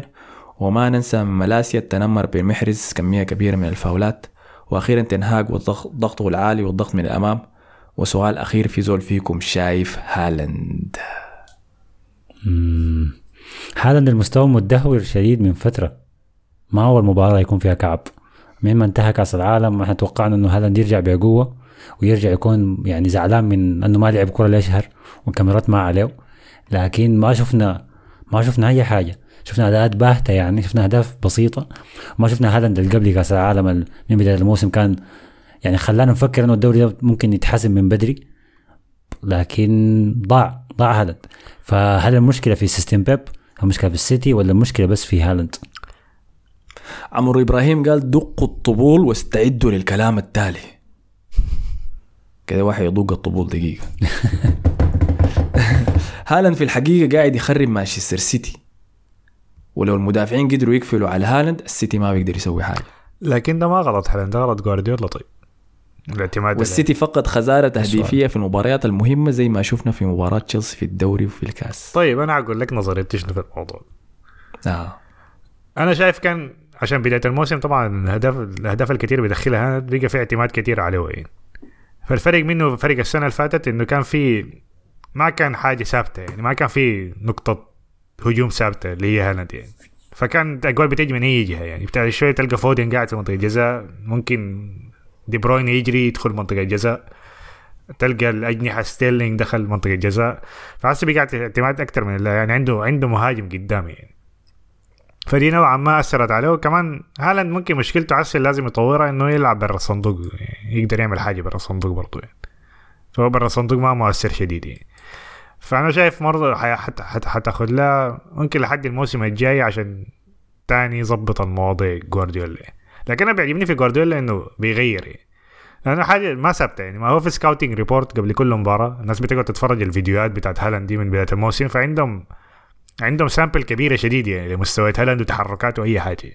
فالمدربين بيتعلم بيتعلموا من الحاجة دي يعني. فأنت إذا ما قدرت تغير كل مرة حتأثر. عشان كده جوارديولا مثلا ناجح كتير. لأنه بيعمل الحاجات الغبية. الافكار الغبيه اللي بيعملها بيجربها كل مرة كل مرة. ما المفروض يجربها في المباريات الكبيرة هو لكن بيجربها في المباريات دي وبتطلع يعني. ممكن في نص الموسم يغير طريقة لعبه يعني. فممكن حس يغير بعد أسبوعين تلقاه غير طريقة اللعب والفريق بدأ يدور مرة تانية يعني. ف لكن حاليا ممكن في اعتماد أكثر من اللازم على هالاند يعني. مم. وكمان لما الناس اتعودت على معايير السيتي دي ويجوا يلقوا الموسم ده ما قاعد يفوز في كل مباراة. بيعاينوا بس للشيء اللي اختلف عن الموسم اللي فات. بيلقوا هالاند وبيقولوا ده بسبب هالاند يعني. عشان كده الفريق ما يركز إحنا عارفين إنه أجنحتهم كعبة أظهرتهم كعبة. ما عندهم حاجة ما في أجنحة أصلا ما في. أنا كنت متوقع فودن فودن ينفجر الموسم ده أكثر فودن كان كويس قبل كاس العالم هسه بقى كعب فلو قدر هو يطلع من فودن وجريليش يعني ما محرز قلنا خلاص يعني ما, ما فقدنا الأمل فيه يعني إذا جريليش استمر على مستواه ده وفودن شوية رجع لمستواه ممكن حيدور مرة ثانية يعني ما ما تستبعد الحاجة دي. لكن فعلا اظهر برضه كعبين يعني كان له كعب شديد الموسم ده. طيب عشان نقفل خلاص أحمد عثمان قال دي بروين لو استمر بالأداء ده الآن قريب قريب. في لحظات من المباراة كنت قايل له دكه عديل. وكاسميرو فقد عظيم للريال خدت دي بروين وهالاند في جيبه دفاع اليونايتد ككل لعب مباراة ممتازة. طيب آه عمار محمد قال شكرا على البرنامج وموفقين. السيتي سيء بحسب فكرتي. جوارديولا هو السبب. يعني كل يوم وكل طريقة كل يوم طريقة لعب مختلفة وتكتيك ومركز مختلف. هل ممكن دخول هالاند في المنظومة سبب في الفريق بقى ما مرن تكتيكيا؟ حنشوف والله غايته. لكن السيتي عاين هو ما بيفوز في ال 38 مباراة بتاعت الدوري. هو بس شنو؟ يكون عنده فترات تذبذب. بيصل المرحلة الجادة من الدوري بيبدأ بيمشي يخش في سلسلة انتصارات يعني يديك 12 مباراة انتصار ورا بعض 11 مباراة انتصار ورا بعض. فجأة بيلقى نفسه قاعد فوق يا مان وزح الناس اللي حوالينه. فمنتظرينها لكن إذا ما قدر يصلحها بس مباراته الجاية دي توتنهام كمان البعبع بتاعه. ممكن يقع زيادة وزيادة. طيب فكانت دي كل التعليقات على مباراة مانشستر يونايتد ومانشستر سيتي. أنتوا انطباعاتكم شنو طيب عن مانشستر يونايتد وأرسنال؟ ولا لا أصبر دقيقة. خلينا نخش ل ديربي شمال لندن. أنت بعد ذاك أخذ توقعاتكم. فأرسنال غلب توتنهام يا جماعة 2-0 أنا قبل شوية تكلمت مع حسام ساعة ونص عن عن فتشبعتها عديل كده. بس المختصر السريع كده للناس اللي بتسمع دافور إنجليزي ده بس. وما بيسمعوا لي أكثر برنامج مكروه في SoundCloud المدفعجية. بيبالغوا يا أخي والله برنامج هو مختلف أيوه شكرا. لك يا أخي ظريف صح؟ أي أي. لكن بعد ما أخلصه بكون ما عايز أشوف أي مدفع تاني أي مدفع بشوفه ال- أرسنال لعب مباراة ممتازة جدا جدا. أنا كنت مت- متوقع الفوز ده لأرسنال. وشايف إنه توتنهام في حالة سيئة جدا. الحاجات اللي ذكرناها في الصيف لما ذكرتها في الحلقة بتاعت التوقعات قلت إنه تدعيماتهم دي تدعيمات Europa League ما تدعيمات top four وأنسى إنها تكون تدعيمات فوز للدوري زي ما قالوا بعض الناس كده. ما بعرف من وين والله. الأظهرة بتاع إنهم قلت إنه مستواهم سيء قلت إنه أنطونيو كونتي بيحب يشتغل بأعلى جودة ممكن ما بحب الترقيع ده. سيسينيون ودوهرتي شفناهم في المباراة دي. سيسين ما يونغ كان كعب سيسين سيسين يونغ ما كان كعب يا مصطفى. ما كان كعبي في بدايه المباراه ما كان كعبي أنت تحب البيض المقلي ولا صار فيجن. تديك نوع الطبخ يلا اللي تعرض له. أنا كله كله حلقة بس بيجي بتكلم عن الظهير اللاعب دي قدام ساكا. والجون الأول جا داخل. جا داخل من جهه يا مصطفى. يا ما عندك لوريس يا ما عندك كده خلي سيسين ده. لا إله إلا الله. عندك لوريس. أصلا سؤال لوريس ده والغلطة بتاعته في الهدف الأول ده ده وصل منتخب بلده نهائيا كأس عالم كيف؟ سؤال كده بطرح نفسه يعني. كانتي ومتويدي لا لا كأس العالم دي كان كويس نهائي كأس العالم بتاع كرواتيا. وفرنسا انتهى كم؟ أنا ما بقول لك كأس العالم ده القريب ده اللي قبل آه، ده ذاته كان كويس؟ كان كويس إيه. كان ما بطل ما كان بطل هاي كعب في البلنتيات لكن ما كان بطل عموما يعني لكن حكاية دفق الكره دي تتذكر كان نرجع بس الحلقة اللي فاتت تتذكر أنا قلت لك في الحلقة اللي فاتت إنتوا هتجيبوا جون لو لو قصدي لو شتوا من برا أنتوا ممكن تستغلوا دفقات آه، لوريس دي امم هاي اللي حصل في الهدف الأول. ممتاز. وده ده الهدف الأول جو وفلقوه صراحة فلقوه في الليك بارتي فلقوه. يا عم. بارتي دي كان ممتاز صراحة. يا مرعب،. آه، لكن الجون الأول جاء عن طريق آه، عرضية لعيبة ساكا. دقت في لوريس وبعد ذاك سكبها جوا الجون. عشان يتقدم أرسنال 1-0 بعد هيمنة تامة عليه أصلا في الشوط الأول. ولحقوه بالشوط الجون الثاني عن طريق تسديدة نارية. منجنيقية مدفعجية سميها ما شئت من خارج الصندوق عشان يسجل في هيوغو لوريس الهدف الثاني. وشبه يحسم المباراة لأرسنال خلاص يعني. أنا كنت رسلت لمصطفى في الواتساب طوالي قلت له أنا متأكد اوديجارد بيسمع البودكاست يا man؟ آه ليه؟ أنا ما سألتك ذاته ليه- ليه يعني؟ برضه برضه لازم تعرف. لاحظت له لكن؟ في شنو؟ يعني في مركز. التسديد من برا صندوق آه أيوه أيوه أيوه. انت قصدك على الانتقاد بتاعه؟ أيوه بقى يشوت كثير من برا. امم أو بقى يسجل أكثر وأكثر يعني آه. مباراة برايتون ديك الجون سجل لا لا مستوى دي. دي أظن أحسن مباراة أنا أشوفها له. ناحية إنه ما كان بيخسر كورة ذاته أظن خسر كورة مرة واحدة بس. امم لكن كويس يعني كويس شديد. بارتي كان بارتي. كان ممتاز. مع آه. انه عنده كده عنده لحظات كده غريبة بيعملها باص غلط كده بيسرح مرات. لكن غير كده كان مباراة ممتازة يعني. يكون بيفكر العشاء شنو يعني زينشينكو كيف؟ زينشينكو كويس أيوه برضه كان كان كويس كان آه، إنكيتيا السؤال ده ما. عاجبني ما عاجبني السؤال. لا لا يا أخي يمكن عشان خدته في ال fantasy عشان كده اتنحس يعني بيعمل أي حاجة. مش قلت يا قلت لك ما تخد. يا أختي مو- فترة مهمة شديد لنا. ما تخد مهاجمنا هو بيعمل أي حاجة. صح إلا لكن قدام الجول بيضيع الفرص دي. يعني أنت حسي لو مرقته من فريقك ما حمرقه كان. حسي سجل ما. حمرقه كده كده كده اسمه مصطفى. أخ أمرقو شوف يعمل شنو قدام اليونايتد. لا لا ما حمرقه يا الله. يا- طيب ما تاخذ مارشال. طيب داير تاخذ كيف تاخذ جنبه مارشال فايوه بيعمل أي حاجة صح لكن قدام الجول بيقعد يضيع. يعني. فدي الحاجة الغريبة. مارتينيلي ط... كان في فرصه لما ضغطوا لوريس قطعوها منه آه. آه مارتينيلي لعبها له ورا ظهره. كان ممكن يسجلها. كان في الباص بتاع شاكا كمان باصاه له. كان يسجلها. لكن شفتوا ريشار ريشارلسون قاعد يشتبك مع العباسه آه. كلها في الموضوع مارتينيلي عايز يسلم عليه. يا مش ضرب له يده يا زول. لما كان عاوز يلعب corner. مارتينيلي كان مديها طعمة جديدة. آه. لمسة الظهر دي. الظهر دي. آه، روميرو جاو يا انت عمل في شنو يا ولد؟ ميسي بس اللي بيعمل الحاجات دي. آه، الله لكن فاز ممتازة؟ شخصية الفريق ممتازة. آه... اي ماشيين صح لكن أنا شايف مشكلة المهاجم دي حتأثر عليهم يعني. لكن هنشوف هيحصل شنو يعني. طيب أنت مري وين fantasy؟ ما حمرق يا الله يا بغرق مع السفينة. أنت يا حسن. أنا توتنهام مركز خامس يا شباب. وراه فولهام تخيل. فولهام سادس توتنهام خامس. ما توتنهام خلاص ما فريق يرجع ال top four يعني فترة ال top four على عدوها دي جات معاهم بطريقة أو أخرى يعني بعصير بولادة كان عاملها كونتي. أعتقد ده, ده الحد بتاعه ممكن ممكن كونتي الآن يستغل ال- المباراة الكعبة الشديد دي. طبعا في مباريات كثيرة كعبة لكن أرسنال تفوق على توتنهام في كل حاجة تق- في كل شيء تقريبا يعني. ما في أي حاجة توتنهام عملها صح الكورة دي. فما اعرف هل هل كونتي يستعمل الكورة دي كعذر إنه يحاول يضغط فيها على الإدارة آه، في الانتقالات الشتوية دي إنه يجيبوا له حاجة كويسة؟ هو بيضغط. already هو قاعد يعمل مقابلات وبتاع كله مؤتمر بيرمي حاجة يا man ما, ما محتاج الكورة دي عشان يعمل كده.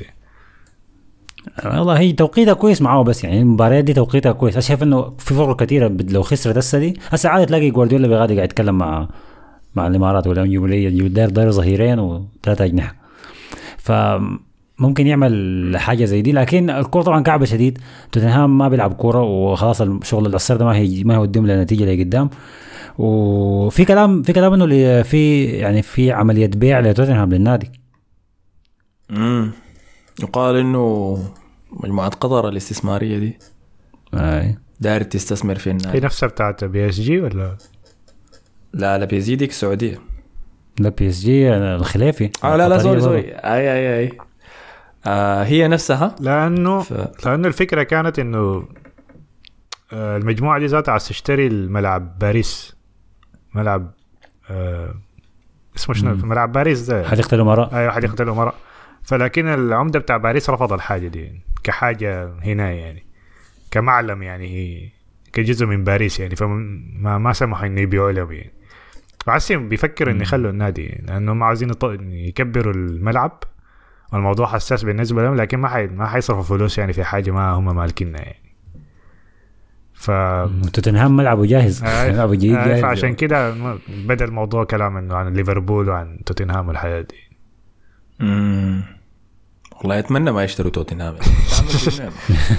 خليهم يمرقوا اليهود بس لما نفهم المنهج تقوموا تغيروه ما, ما ينفع جاي هناك بدأت بس قال يا الحياة دي ما ما ما, ما عندها استمرارية إنه يقعد يشتروا الأندية وبتاع عليك الله اسكت بس. أنت. وش خذ القرشين اللي أخذته من السوبر. طيب آه، نمر على التعليقات عن أرسنال محمد نصر الله قال الفيل أكثر رشاقة مما يظنه الكثيرون ومحمد بشير قال آه الإنترو ظابطة. اقترح تخلوها ثابتة في كل حلقة. الجولة الجاية حتكون مسخنة شديد أتوقع أرسنال يفوز 2-1 وكمية من الضرب. تحققت لكن 2-0 ما 2-1 فيساجي قال أحمد أنا لاحظت لك بقيت بيتعامل مع فروق الدوري الإنجليزي كأنها حاجة بسيطة بالنسبة لأرسنال. زايد بقيت تحرمنا من أهم. والله يا أخي. ليه بيتكلموا كده كأنه فزتوا بالدوري يا مان.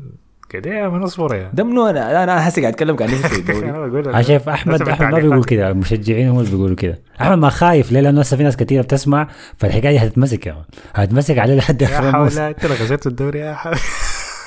لا أنت أنت ليش شايفني أنا خايف؟ عسل قاعد يقول لك خايف يا هاي. قول أنا هفوز بالدوري. قول أنا هفوز أجيب الدوري الإنجليزي. مش أرتيتا بيقول للعيبته إحنا هنجيب الدوري الإنجليزي؟ لو شنو؟ أرتيتا مش بيقول للعيبته إحنا هنجيب الدوري الإنجليزي؟ ولا ما بقول هو قاعد يقول لي لعبته حنفوز بالأبطال يا مان. قال لي طيب. مش حنفوز بالدوري الانجليزي لا لكن شنو؟ أنا ما عندي خوف إذا أنا مؤمن إنه إحنا حنفوز بالدوري الانجليزي إني أقول لكم. لكن أنا ما متأكد من الحاجة دي. فلسه أنا ما حقول لكم إلا بعد ما أتأكد. طب شو أنا أي شيء بقول لكم اتهاماتي اللي بوجهها دي كلها بكون متأكد. طب. شكوكك شنو يعني يا سيد؟ إنه لسه ما وصلنا نص الدوري. دي المباراة 18 بتاعت ارسنال شكوكك انكيتي يا man اقولها خليك واضح. لا لا لا. انت بس لو مرقته من ال fantasy بتاعك ما ما حيكون عندي مشكلة. شبوكو الدكه عاين. اوريك المباراة. أنا أنا بعديها. 100% بوريكم حنفوز بالدوري ولا لا. ثلاثة مباريات بتاعت السيتي دي. هي كيف ثلاثة مباريات ورا بعض كده؟ أسبوعين ورا بعض يعني تلعب السيتي؟ دي أنا أنا اديك اياها واحدة بالتحديد. مباراة أرسنال ضد مانشستر سيتي في استاد الإمارات اللي هي يوم 15 فبراير. فالمباراة الثانية كويس. دقيقة أشوف لك. دي هي المباراة الثانية هاي دي هي المباراة الثانية أول مباراة ضد السيتي في الكاس دي يوم الجمعة الجاي. okay. اللي بعديها بتاعت 15 فبراير دي. okay. ما الأخيرة. والتالتة. الأخيرة ديك هناك ديك شهر أربعة. آه okay. أنا. افتكرتها الثلاثة ورا بعض يعني. لا لا. شفتها بعد مباراة أرسنال ضد مانشستر سيتي في الإمارات يوم 15 فبراير. أنا حوريكم إذا أرسنال بيفوز بالدوري ولا لا. okay. الكلام ده م- منطق. حسن ولا لا؟ والله يا man انت شكله يكون عندك وعود كثيره 14 فبراير غالبا عندك حاجة بس 15 فبراير عندك وعد ثاني عارف. ما عارف. يعني. فالنتاين كمان يعني بتكذب يتغشى. يا إحنا يا يا اللي يا بتاع 14 أنا أنا أنصار سنة ما واحدة في طيب طب okay أنا أنا عندي أنا عندي سؤال بس أخير آه الكورة دي عشان نمرق منها آه. هاري كين هل ده اخر موسم له مع توتنهام؟ أي. لو كنت طلع أكيد. المفروض يفكر في المركز ده يعني خلاص. المفروض يفكر في المركز بقول لك ده. حيمشي. يمرق. بقول لك حيمشي. وين حيمشي؟ مانشستر يونايتد أعوذ بالله. ما تشيلسي؟ شو امشي تشيلسي؟ تشيلسي يا أخي. ترقيع ده؟ كده ودي- ودينا لتشيلسي طيب. ودينا لتشيلسي. أصبر أصبر. ما عندنا تعليقات كميه عن ارسنال المره آه تاني عندنا منو؟ عارف بحر قال الأرسنال الآن عليه الخوف من قطبي مانشستر. والهزة النفسية التي تصيب اللاعبين بعد خسارة صفقتي فيليكس ومودريك بعد أن كانت شبه محسومة للأرسنال آه، وعدم صح. وجود لاعبين ذات جودة عالية في السوق تخدم أفكار أرتيتا ويمكن عودة نيكولاس بيبي وبالوغان يمكن أن تعطي حلول أكثر انت شنو يا طب حسن؟ صفقة مودريك دي عايز تتكلم عنها هسي ولا مع تشيلسي؟ إحنا بشناه في ركن المدفعيه لكن ادوني رأيكم أنتم صفقة سياسية صح؟ فيها, فيها موضوع سياسي وراها ولا شو؟ قالوا كده إنه سياسية الأصل يعني ولا بس لا جانب موضوع سياسي؟ يدفع عشان مشروع الرئيس بتاعهم طلع وقال إنه حدفع 25 مليون عشان نساعد الجيش الأوكراني ولا شو؟ آي. في حاجات مريبة كتير في الصفقة دي أول حاجة ال 25 دي فأنا أظن دي هي الفرق يعني هو كان عاوز ياخد قروش كتيرة شديدة عشان يطلع منها جزء للهنا دي فأرسنال ما عايزين يخشوا في ال... في الكلام ده يعني وأدوه 100 مليون كتيرة في لاعب مدرك يعني في ما بيهمني يعني عمره كم ولا عمل شنو يعني كمية مليون دي كتيرة فيه يعني. وتاني حاجة مريبة هي الثمانية سنوات ونص دي زي السنة الاضافيه دي. طب يا من. ما ما عقد لاعب. دي حاجة مريبة. أول حاجة أنا ما يعني الصفقات الط... يعني العقود الطويلة دي انت كلاعب فيها جزء كويس وفيها جزء ما كويس. يلا في ال NBA مثلا اللاعبين الما super stars يعني في النص ده بيحبوا العقود الطويلة يعني. لأنه أنت محظوظ لو لعبت 10 15 سنة في ال NBA مثلا وخلاص. يعني بعد كده معظمهم بيطلعوا وما بيختفي تاني ما بتشوفه يعني. فبيكونوا عايزين كم قرش كده كويسين يعني في السنوات دي ويتخارج يعني. بعدها بيختفي. آه. لكن أنت لو واثق في نفسك يعني هتقول لهم لا أنا أربع سنوات بعدين أوريكم ال- الجقل اللي ما في جلي وبتاع وحبقى لاعب أحسن بكثير بعد كده هتطلب عقد حيكون ضعف ضعف يعني مثلا. فالموضوع فيه نوعا ما أنت واثق في نفسك حتكون شنو ما مستواك حيتطور هتبقى من أحسن اللاعبين ولا لا؟ فأنا شايف فيها نوع من الحاجة دي يعني. وفي نفس الوقت 8 سنوات انت ضامن راتب ل 8 سنوات يعني. فدي برضه حاجة كويسة ليك من ناحية financial يعني. فسلاح ذو حدين يعني. وممكن يتموسر فيه ممكن يطلع مع سوريا من السنة الجاية بس يعني. يتموسر فيه 8 سنوات ثانية هي هي غريبة. أنا ما قاعد أشوفها ابدا في كرة القدم. آه غريبة شيء عقود 8 مع سنوات أمريكا. أنا في football Football Manager ما قاعد ألقى عقود فوق الخمس سنوات. يعني. مع أمريكا يا man تقول شنو؟ تود بويلي حركات تود بويلي. أما بالنسبة على كلامك إنه صفقة سياسية هي فيها فيها جانب سياسي. وموضوع إنه كمان كشفوه في الاستاد بين الشوطين في مباراة كريستال بالاس ولابس العلم الأوكراني. مم. في كتفه مشوه في الاستاد. طلع فوق قاعد في ال box اللي كان بيقعد فيه أبراموفيتش. بالعلم الاوكراني في علامات يعني في علامات في الموضوع. ما حضر الكوره ما يقدر كان قاعد يحضر. الكورة ذاته. كان قاعد يتفرج في الموبايل وبيشرب في القهوة. وما بلومه صراحة. أنا من الشاف ال- الحاجة المستفزة أنت أكيد أكيد بشتغل الحكاية دي في في ركن المدفعيه اللي هي التعامل هو مودريك كلاعب في في الساقة اللي كانت حاصلة دي في المسلسل. حق انتقاله لأرسنال. وال stories اللي كان بينزلها. آه، دي حاجة بطالة بطالة بطالة شديد يعني ما برضاها ما برضى أشوفها في مع أي نادي. دي عيب يعني. فما عجب عجبني الأسلوب اللي بيتعامل فيه. يعني حسس الناس ده غش جماهير أرسنال كلهم ساقوهم من الخلا يعني. إنه أنا جاييكم وكل شوية صورة وكل شوية متابعكم. ما باقي إلا يكتب go Gunners يعني. في النهاية يجي يمشي تشيلسي وأول صورة ينزلها بعد ما مشى تشيلسي هازارد هو بيمردغ دي. ما ما حقيقية ما حقيقية. حقيقي الله آه، والله بتتصدق يا man بعد الحاجة ده؟ فما ما حركة كويسة يعني ما أعرف حصل شنو بالضبط است... يعني ابتزوه بحاجة ولا حرروا اسرته لا. ما في شيء حصل. لا لا يا man هو بس عايز يتخارج هو عايز. يتخارج من أوكرانيا. هو الدوري الأوكراني واقف يا man الزول ده بيلعب من شهر لشهر يعني بيلعب ضد ريال مدريد بعدين بيرجع تاني بيته. آي. وراتبه في أوكرانيا طب. 3000 في الأسبوع طب كيف مثلا زينشينكو ما ساعد في صفقة زي دي؟ ممكن يكون كان كان عامل كويس في هو أرسنال. ساعد. لا مرت زينشينكو عندها قناة يوتيوب يعني. عارف الهاي دي؟ وبيساعد عشان كده كان مصاب له ثلاثة شهور. يعني. شغال editing مرت زينشينكو عندها قناة في اليوتيوب وبتعمل فيها مقابلات مع لعيبة مختلفين. فلما قبل شهر كده لما طلعت الروابط بين أرسنال ومودريك جابته في قناتها في اليوتيوب وعملت مقابلة معه. كويس؟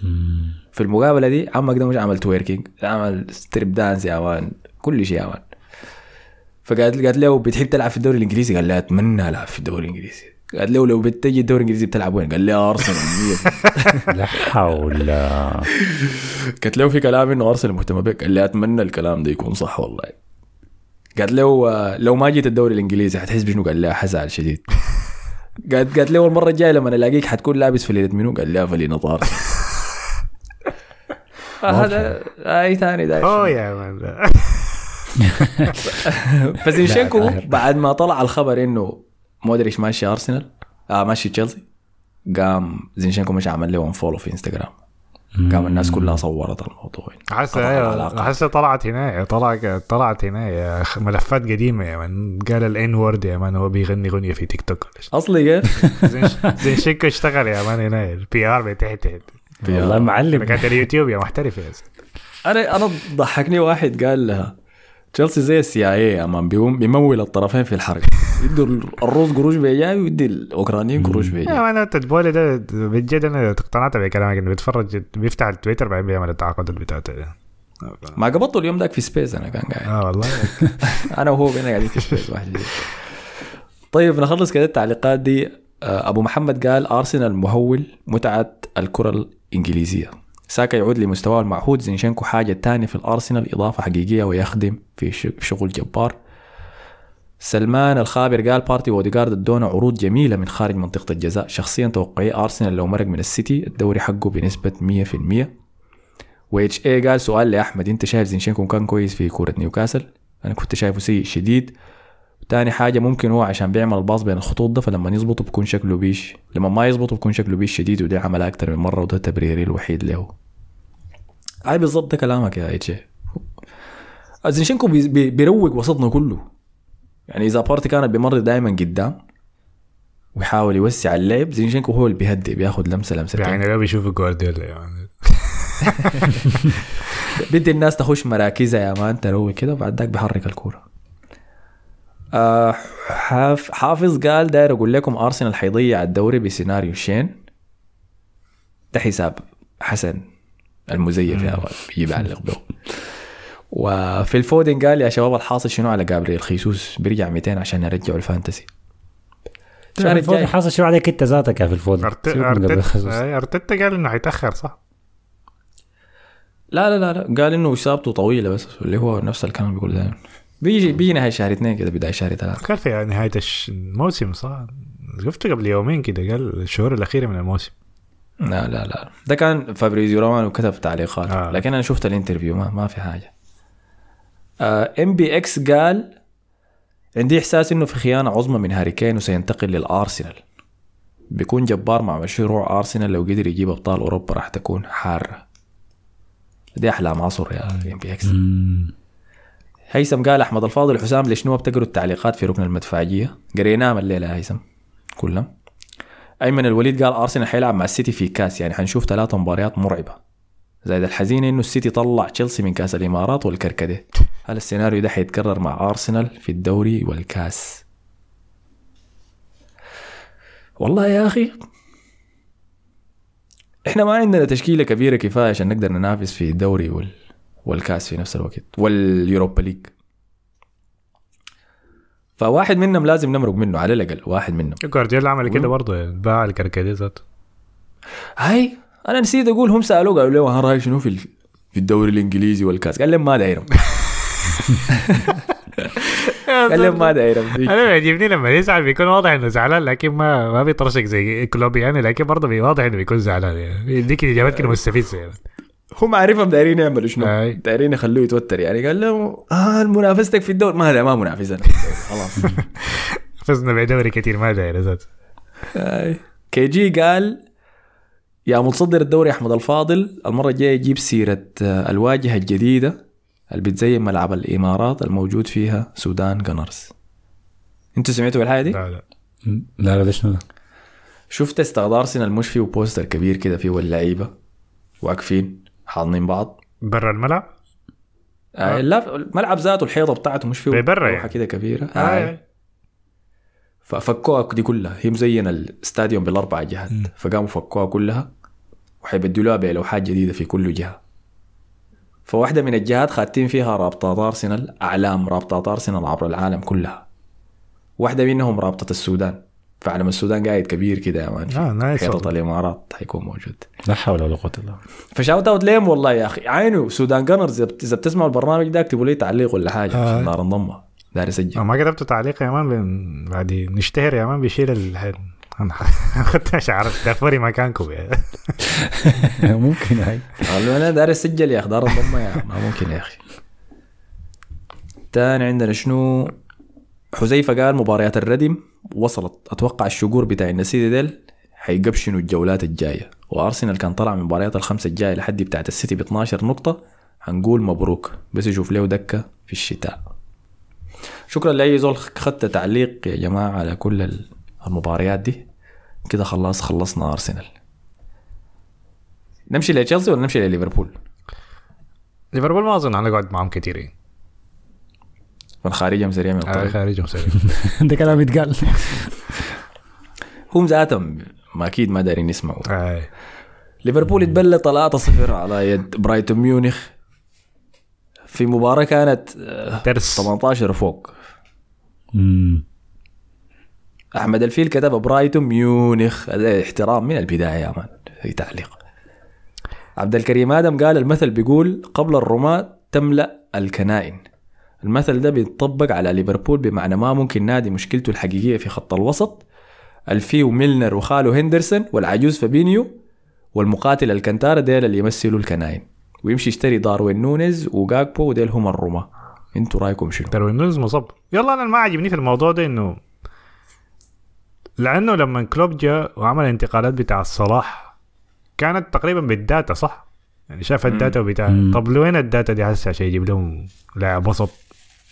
يمشيه شوية يعني ما محتاج يكون جود بيلينغهام ولا واحد تاني يقال إنه التعاقدات الأخيرة دي داروين نونيز وجاكبو كانت بطلب كلوب ومساعده بيب ليندرز مم. وإنهم خلوا فريق البيانات بتاعتهم ده وإنه وإنه المدير الرياضي بتاعهم أصلا كان يتخارج مشى لنادي أيوة. ثاني ما متذكر حصل له شنو okay دي كلها تأثيرات يعني منطقية يعني لأنه كانوا شغالين كويس يعني. بتاع كان بيجيبوا لاعبين ممتازين في ال system بتاعهم وكانوا نافعين يعني. اللهم بس في استثناءات يعني نابي كيتا وإذا. لكن لكن ما أنا أنا شايف إنه كان غلطة صراحة موضوع إنه ما يتعاقدوا يتعاقدوا مع مهاجم وما ي- أو جناح وما يتعاقدوا مع لاعب وسط يعني. شايفها غلطة كبيرة صراحة.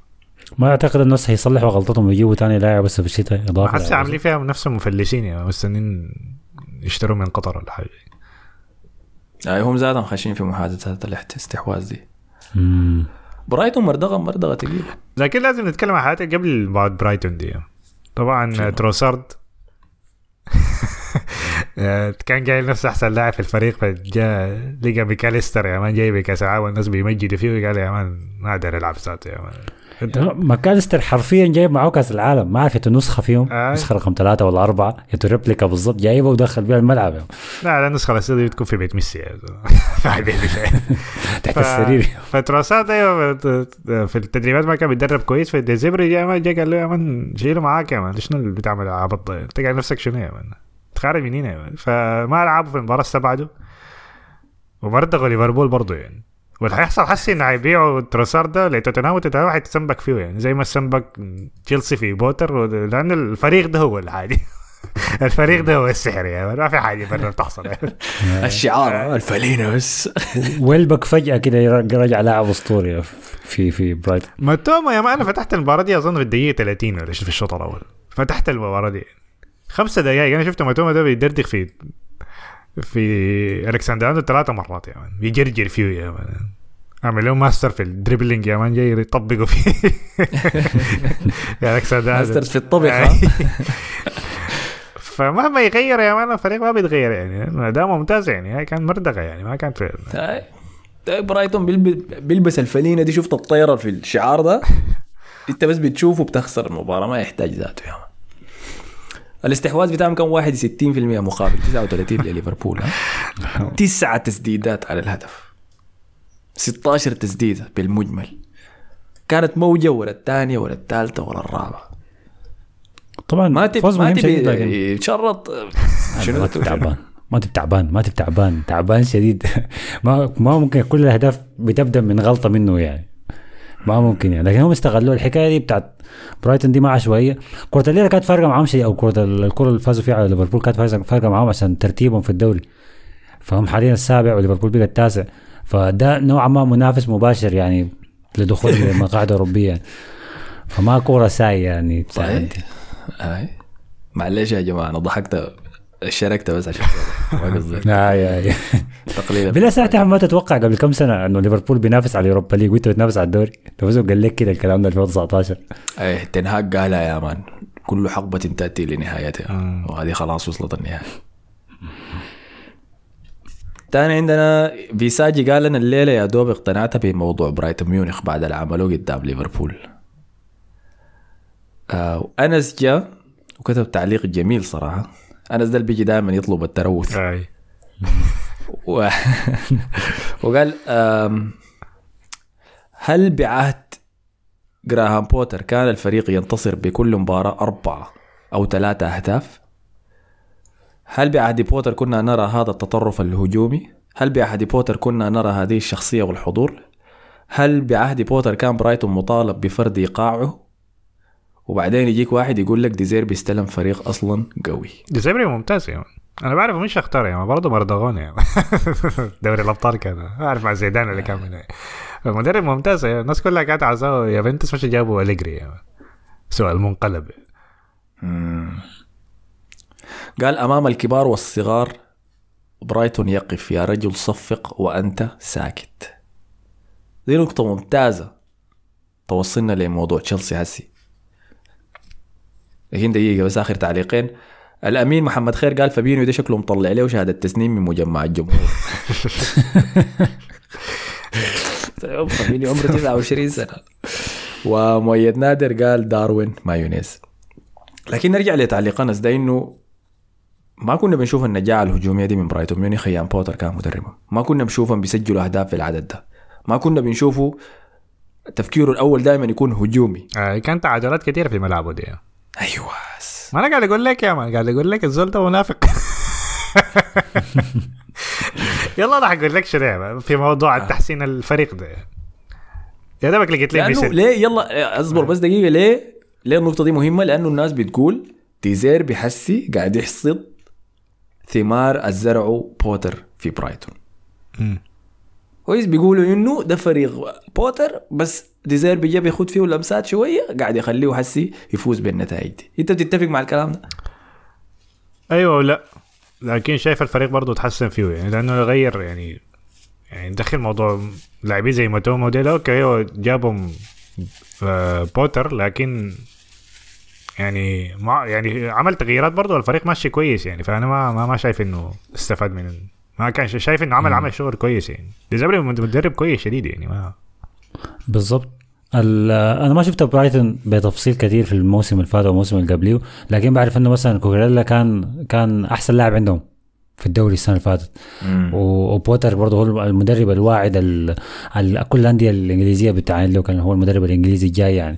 فإنه يطلع منك أحسن لاعب في الفريق ويطلع منك المدرب بتاعك بعد كم أسبوع من الدوري ما بدأ. يعني أنت ما ما لحقت ذاته تحضر وترتب وت يعني تعيد أمورك يعني.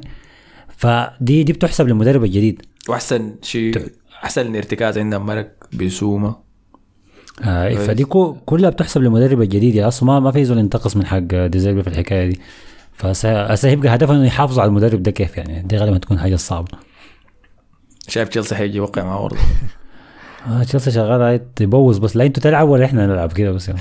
ما هو انت كنت تقول شنو؟ حيجيني في موضوع بوتر ده في تحسين الفريق حرجع لتشيلسي ذاته يعني لما جاء توخل يعني برضه يعني لو أخذ فريق منتهي كان مع لامبرد يعني. في نص موسم عملوا أبطال أوروبا يعني برضه يعني. فأنا عارف إنه عنده إصابات لكن أنا ما طالب منه إنه ينافس على دوري أبطال أوروبا ولا ينافس على الدوري يعني. شايف عاوز تحسن في المستوى بس أنا ما شايف تحسن في المستوى. أنا ما شايف هو عامل شغله يعني. التحسن بيحصل له أسرع من كده يعني. أي. أنا بديك سبب عدم التحسن ده. إنه جراهام بوتر ما عنده style واحد ثابت. أنا قلتها يمكن عشرة مرات في البودكاست ده. أنا كنت بحضر لبرايتون جراهام بوتر من الموسم الفات والموسم اللي قباله زول ده كل مباراة بخش بتشكيلة مختلفة. عشان كده فروقه كانت بتعاني هجوميا. لأنه البناء بيكون ممتاز الوسط بتكون متحكم لكن لما تغير تشكيلتك مباراة تلو الأخرى الهجوم ما بكونوا عارفين مكان بعض. فما بسجلوا أهداف.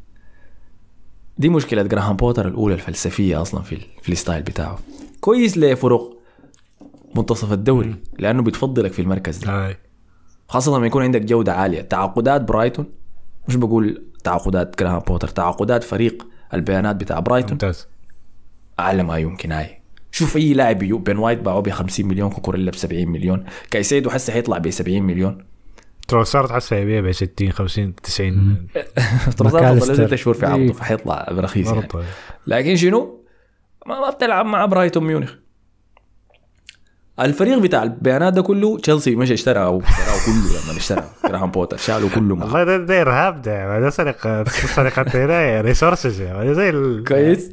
وبعد يلا لاحظ بعد ده برايتون ما تأثر بأي شيء. انت شيء يمكن يشي يشتروا كل شيء مش يشتري أي شيء ورا الأبواب بتاع قلت لك في حاجة في المويه مان النادي ده حيرجع كما هو. فيلا حسي لما تعاين لنشاطات تود بولي في الصيف إنه ولا الشتاء في النافذة الحالية دي يمشي يشتري اللاعب ده يشتري اللاعب ده يشتري اللاعب ده. ويظهر لك إنه ما في بنية معينة هم قاعدين يبنوا حوالينا بسبب إنه جراهام بوتر ذاته ما عنده بنية معينة ثابتة. فأي اسم يقول له عين أنا بجيب لك مودريك وبجيب لك انكوكو وبجيب لك فيليكس عشان يلعبوا جنب هافيرتز. بيشبكوا. هاي دي بتنفع في التشكيلة الثالثه بتاعتي ما حرك جيبوا يا مان زين. أنا بقدر أستخدمهم كلهم. كويس. المشكلة وين؟ إنه ده الاربع لعيبه هم نفس البروفايل. أربع لعيبه هم نفس اللاعب. هم كلهم مهاجم ثاني. يعني هو يشتري أربع مهاجمين نص نص نص بقى عندك مهاجمين.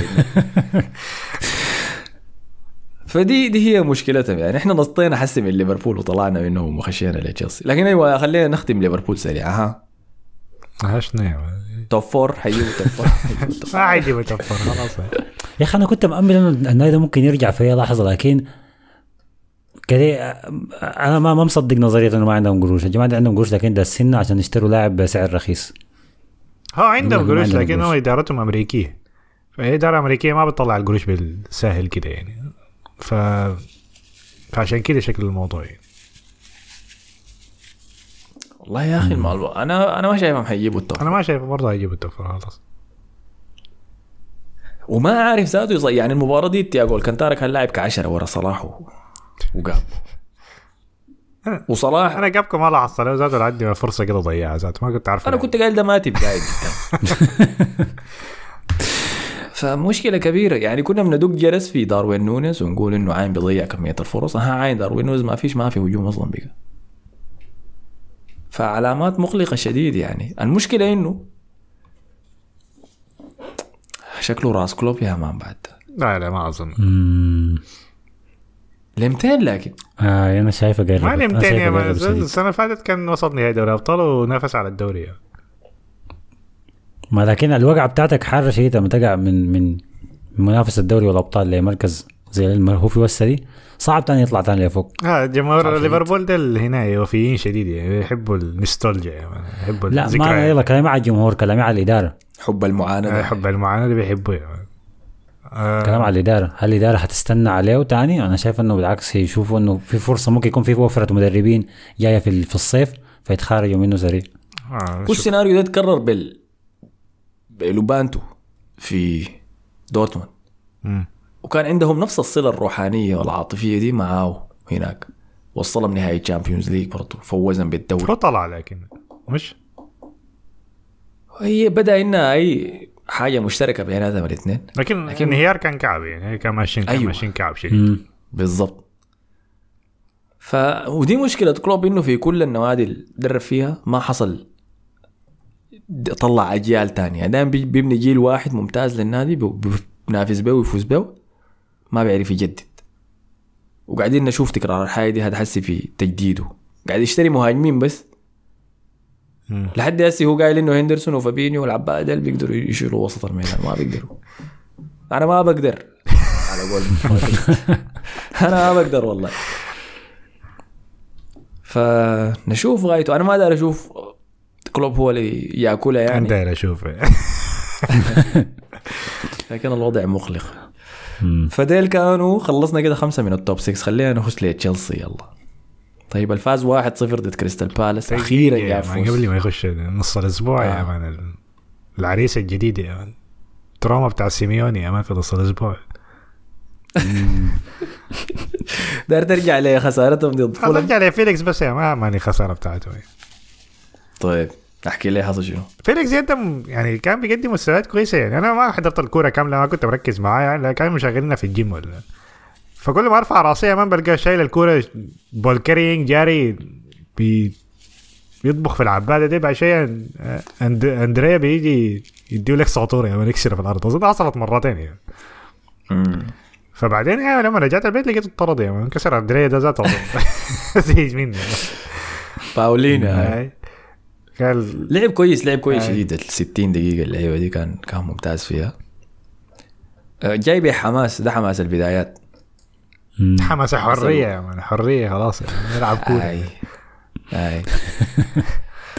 مسكين يا أخي والله كسر خاطري يا أخي فيليكس. لكن ما ما أعرف زي كانت حاجة متوقعه إنه زول ده هيجي وهيكون مندفع وفي حاجة غلط هيعملها يعني. في شيء غلط هيحصل يعني معه. ده ما قايل كورة الحكاية ما- رجال يعني. شايف هناك متعود أيوه. المشكلة هناك هو ما كان راكب في ال system بتاع كرة الرجال يعني هو هناك أساسا مع الرجال ما نافع يعني عشان كده مرق. مع لعب النسوان في أتلتيكو هو لعب الرجال في آه. احتمال. آه، هو بعد ما ضرب ضرب باولين عين ل- ل- لبوتر. صح كده؟ قال له لا ما صح يا أخي غلط. مين قال لك كده؟ وتلقاه دييغو سيميوني بيحضرها ده تكسير ليه وأنا ما تكسير ليه آه. صحيح طبعا هسه بغيابه يغيب يعني ما طرد مباراة واحدة. ثلاثة مباريات. ثلاثة. ثلاثة مباريات. فكده خسروا يعني شهر إعارة ثلاث أسابيع حق الإعارة راحت 2 مليون دي راحت سلمان الخابر قال مدة إعارة جواو فيليكس تقلصت إلى خمسة شهور. تشيلسي ده في زول كاتبهم عند شيخ الدمازين. أنا بتحكي لهم قصة فييرا كمان. يعني. لأنه فييرا بيمثلنا آه. كلنا يا. امم ف ف... باتريك فييرا وإيان رايت أساطير أرسنال كانوا قاعدين يحضروا مباراة تشيلسي ضد فولم ديل في بيت إيان رايت مع بعض. كما يفعل الأساطير يعني يسترخوا مع بعض يشربوا شاي يمكن يتونسوا يفتحوا الكورة في التلفزيون. لابسين جلال. قاعدين- تخيلهم لابسين جلاليب كده وبيرفع يد. شكلها مع أمام سوداني. أي. وإيان رايت عنده جلابية سودانية أي. أصلا. فالطقم موجود جاهز عنده. فقاعدين يحضروا المباراة مع بعض. شافوا الشوط الأول بتاع جواو فيليكس ده. دقيقة 60 إيان رايت قبل لباتريك فييرا قال له يا أخي أنت عارف وده ممتاز. باتريك فييرا عين له كده وسكت لأنه هو مدرب كريستال بالاس. المباراة الجاية ضد تشيلسي. واصلوا يتفرجوا. قام جواو فيليكس عمل التدخل القاسي ده يا man. أخذ كرت الأحمر. قام إيان رايت قال له لا لا يا أخي. خسارة يا أخي كان لاعب كويس شديد لكن حسي ما حيلعب المباراة الجاية. كان باتريك فييرا عين له وابتسم قال له واي مشى المطبخ يا man قبل له بيبسي كوبايه ولا حاجة ما شوف اللاعب حيلعب المباراة الجاية ضد فريق ده عشان حتى scouting remote ما عاوز يعني لازم مباراة مملة يا. فريق ال trash ده. خير هاي ما يحتاج أتفرج كده باقي المباراة. ف طيب ها جو فيليكس اخذ كرت أحمر في وضع محزن لكن بس هو الحظ اللي ماسك تشيلسي حسي ما داري يمرق منه. زي ما قال سلمان ده الشيخ الدمازين عمله شغال. ففازوا في المباراة دي أخيرا قدر يجيب فوز كريستال بالاس. كان فوز بعد طلوع الروح يعني. ولدرجة انه سجل الجون الفوز كان كاي هافرز بعد 16 فرصة. أنا خدته في ال fantasy الأسبوع ده عشان ما تقول لي النحس الله بتاعه يا حول ولا قوة إلا بالله. المشكلة أنا ذاتي عندي له فحسي خلاص المفروض اخاف لا أنا دخلته عسي قبل المباراة دي دخل جول man. عشان أنا ت- ت- تعمل لنا الناحس الفريق man. ما أنت نحسك بياخذ وقت. أكبر من هسه أه، اي فازوا في المباراة دي ما كان أداء كويس وكريستال بالاس عصرهم يعني في النهاية كريستال بالاس ذاته ما كان كويس. أنا ما فاهم أنا ما فاهم كريستال بالاس ده شنو أصلا الفريق ده ما فاهم شنو يعني. إيزي وزا وليسو داك يا man vibes بس man. ما في أي حاجة ما في اي كورة بس الناس بيعدي بس وما بيعمل أي حاجة قدام الكرة دي بس. كان اللاعب الأبيض الوحيد حارس المرمى مش؟ آه إنت ما لا والمدافع عندهم واحد أندرسون، أيوه. عندهم مدافع برضه هاي. أنت دي الحاجة الوحيدة اللي عارفها عن كريستال بالاس ده هاي بس يا man. معلومة مفيدة يا man. يلا هاي مشكلتها ما هي أهداف ما في يا أخي ما في وبيدخل إدواردو متأخر مقتنع بآيو كمهاجم أساسي يلا أنا بكره آيو آيو شايفه لاعب سيء وما داري أشوفهم تاني يا أخوان آيو ده خد تاني في لكن أنا أنا- ها؟ خد تاني في قطر ولا؟ والله ما أعرف. ما ما أتمنى يكون معي لكن آه، أنا فاهمه ليه بلعب ايو لأنه هو اللي بيصنع اللعب اللي حوالينه. فعنده باص أخير كويس. كويس بس ما ممتاز كويس مقبول. فعلى أمل إنه يقدر يشغل به آه، إيزي و زاها والثالث اوليسي اوليسو أي بس برضه ما شغاله يعني. فانا خايف إنه المستويات دي لو استمرت بينافسوا على هبوط حسي ولا وين؟ لا لا لكن قربوا. ترتيبهم حاليا في الدوري الإنجليزي 12 22 نقطة ففريقهم من مراكز الهبوط كم كده؟ مساعدهم إيفرتون يا man. سبعة ملعبهم بقى warzone يا man، ما يلعب ذاته أي آه ف لكن أيوه تشيلسي فاز خلينا أمر على تعليقات التشيلساوية جو كتبوا لنا ولا الناس اللي كتبت عن تشيلسي عامة. بس هيثم قال مشكلة تشيلسي بتتمثل في تود بولي اولا. ما ممكن رئيس نادي متحكم في الصفقات أكثر من مدرب الفريق. ما في حل غير الإدارة ترضى بالواقع وتحاول تدعم بوتر لإنقاذ الموسم. بس تستمر يا مدريد ذاته. زمانك يعني أكثر من هسه يعني. لكن بس تستمر يا مدريد. أنا وريتك الراي شنو في الموضوع ده يا هيثم مصعب نيمو قال تشيلسي ده ما عنده أهل يسألوا منه. قاعد يتمردق كده يمين وشمال. سلمان الخابر قال بوتر تكتيكيا ممتاز بس لو لقى بديل للعاهة هافرتس ولقى رقم تسعة أسطوري أمورهم بتظبط لويس هول مشروع ممتاز الظهير الأيسر لو لقى فرصة كويسة وهافرتس للعنقريب بس هول ده generic عادي يا man ده اللاعب اللي بيطلع لك في الفيفا لما تفتح الأكاديمية بتاعتك في ال career mode يطلع لك هال ده ذاته يعني. لكن لاعب كويس يعني. عمرو إبراهيم علق عن صاحبك يا مصطفى قال كونر جالاجر ده جافي بتاع الدوري الإنجليزي الزول ده بس قاعد يجري لما شراباته تقطعت لا لا ده- ده مبال دي مقارنة غلط. ما ما ما بقبلها أنا خالص. ما بيقبلها عشان الأسبوع ده عشان لعب كويس جافي بس عشان مباراة واحدة. يعني. لا لا, لا لا من لا, زمان لا بدأ حسن بيدافع عن جافي لكن في ناس أنا ثانيين الوحيد اللي بدافع عن جافي من في زمان. ناس ثانيين عارفهم كده ما حقول اسمهم يعني. آه علي ازهري قال مصطفى قال ريكو لويس سانشو الخلابة. لكن سانشو ده ذاته مش يعتبر مع الغلابة واحد والله صح يا. يا دوبك رجع التدريبات يا man. ما عارفين انه وين قاعد يعني. آه الأمير محمد خير قال يا أخواننا زياش ده ليه ما قاعد في العنقريب يستاهل حتى أنا ما بحب الأهداف السهلة دي يعني. أنا بضرب على الناس الكبار يعني ناس دي بروين وهنا يعني. صحيح قبل ما نمشي من تشيلسي يعني. ده موضوع أنا فتحته مع حسن كان في اسبانيا يعني تكلمنا عن انتقال فيليكس فيليكس أصلا في العنقريب هناك في إسبانيا. هسه بيحصل شنو؟ هل حيتنقل للعنقريب ولا حيبقى مسائل كده بحكم كمان هو صفقة جديدة في تشيلسي دي عاملة زي مسائل دي عاملة زي. مسائل الميراث في الامتحان يعني التركة وبتاع. لا حول. ال- الدافور الإسباني عنده عنقريب حقه ودافور الانجليزي عنده عنقريب حقه فإذا اللاعب مشى من الدوري الإسباني الدوري الانجليزي انتقال معناها قانون الحداثة يحميه مباشرة. لا أنا أختلف معاك يا أخي.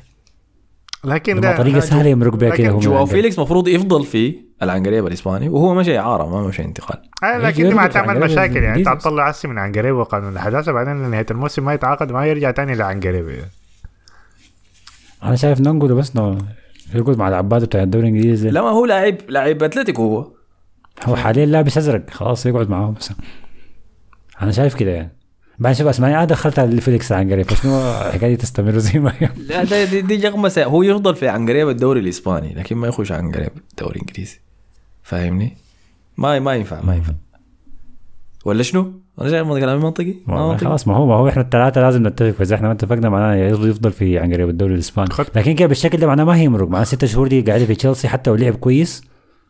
ما معناه ما عنده أي طريقة مرقة من حق الإسبان خدت ما هو ما خش العنقريب بتهمه في تشيلسي صح؟ خشاه بتهمه في آه، هذا خدت خدت poll في التويتر بس خلاص احسن الفرق آه، okay طيب يم- يمشي يطلع من العنقريب ولا يفضل في العنقريب؟ آه. يتنقل لعنقريب إنجليزي ولا يفضل ولا يطلع من العنقريب يعني. ما أعرف هتكتبها كيف دي لكن المهم يتصرف يا مان أو خلي حاجة خلي الحلقة بتاعت الجرد. خلي الحلقة بتاعت الجرد نجلده مع خلاص. سوق عكاظ كده أحمد جهز لك الاصوات بتاعت هنا محكمه وبتاع. يا يا. عبد الكريم آدم قال دينيس زكريا مشروع كانتي جديد في بس في الأدوار الدفاعية. وأنا شايف إنه جراهام بوتر لحد ما عارف لحد هسه ما عارف إنه مدرب نادي تشيلسي بطل أوروبا قبل عامين. لأنه اللي بيعمل فيه مجزره في حق النادي. يعني زكريا ذاته أصيب يا man. لا حول. هذه غريبة يا أخي. ده بوصلني لنقطة ممتازة اللي هي تعليق صديق البرنامج صاحبي ياسين الجلساوي عن موضوع الإصابات. قال المشكلة ما في الطاقم الطبي ولا إدارة تشيلسي ولا أي شيء. اللعيبة الحالية اللي قاعدين في الميدان ده أقصى مستوى ممكن يقدموه. غير كده ننتظر اللعيبة المصابين يرجعوا وفي حاجة تانية عايز أقولها لو استمر توخيل كانت قيمة اللعيبة الفنية حتقل بصورة شديدة. بصورة شديدة. ففي مناسبة الموضوع ده يا ياسين اليوم بعد مباراة تشيلسي ضد فولم الخسر فيها دي طلع تقرير من جريدة تلغراف وقال إنه في شك أول شيء إنه إدارة تشيلسي حتفتح تحقيق في الطاقم الطبي بتاع ال- النادي بسبب الإصابات الكثيرة المتكررة. دي إنه لعيبة بيكونوا مصابين بيرجعوا من إصابة وبيصابوا تاني.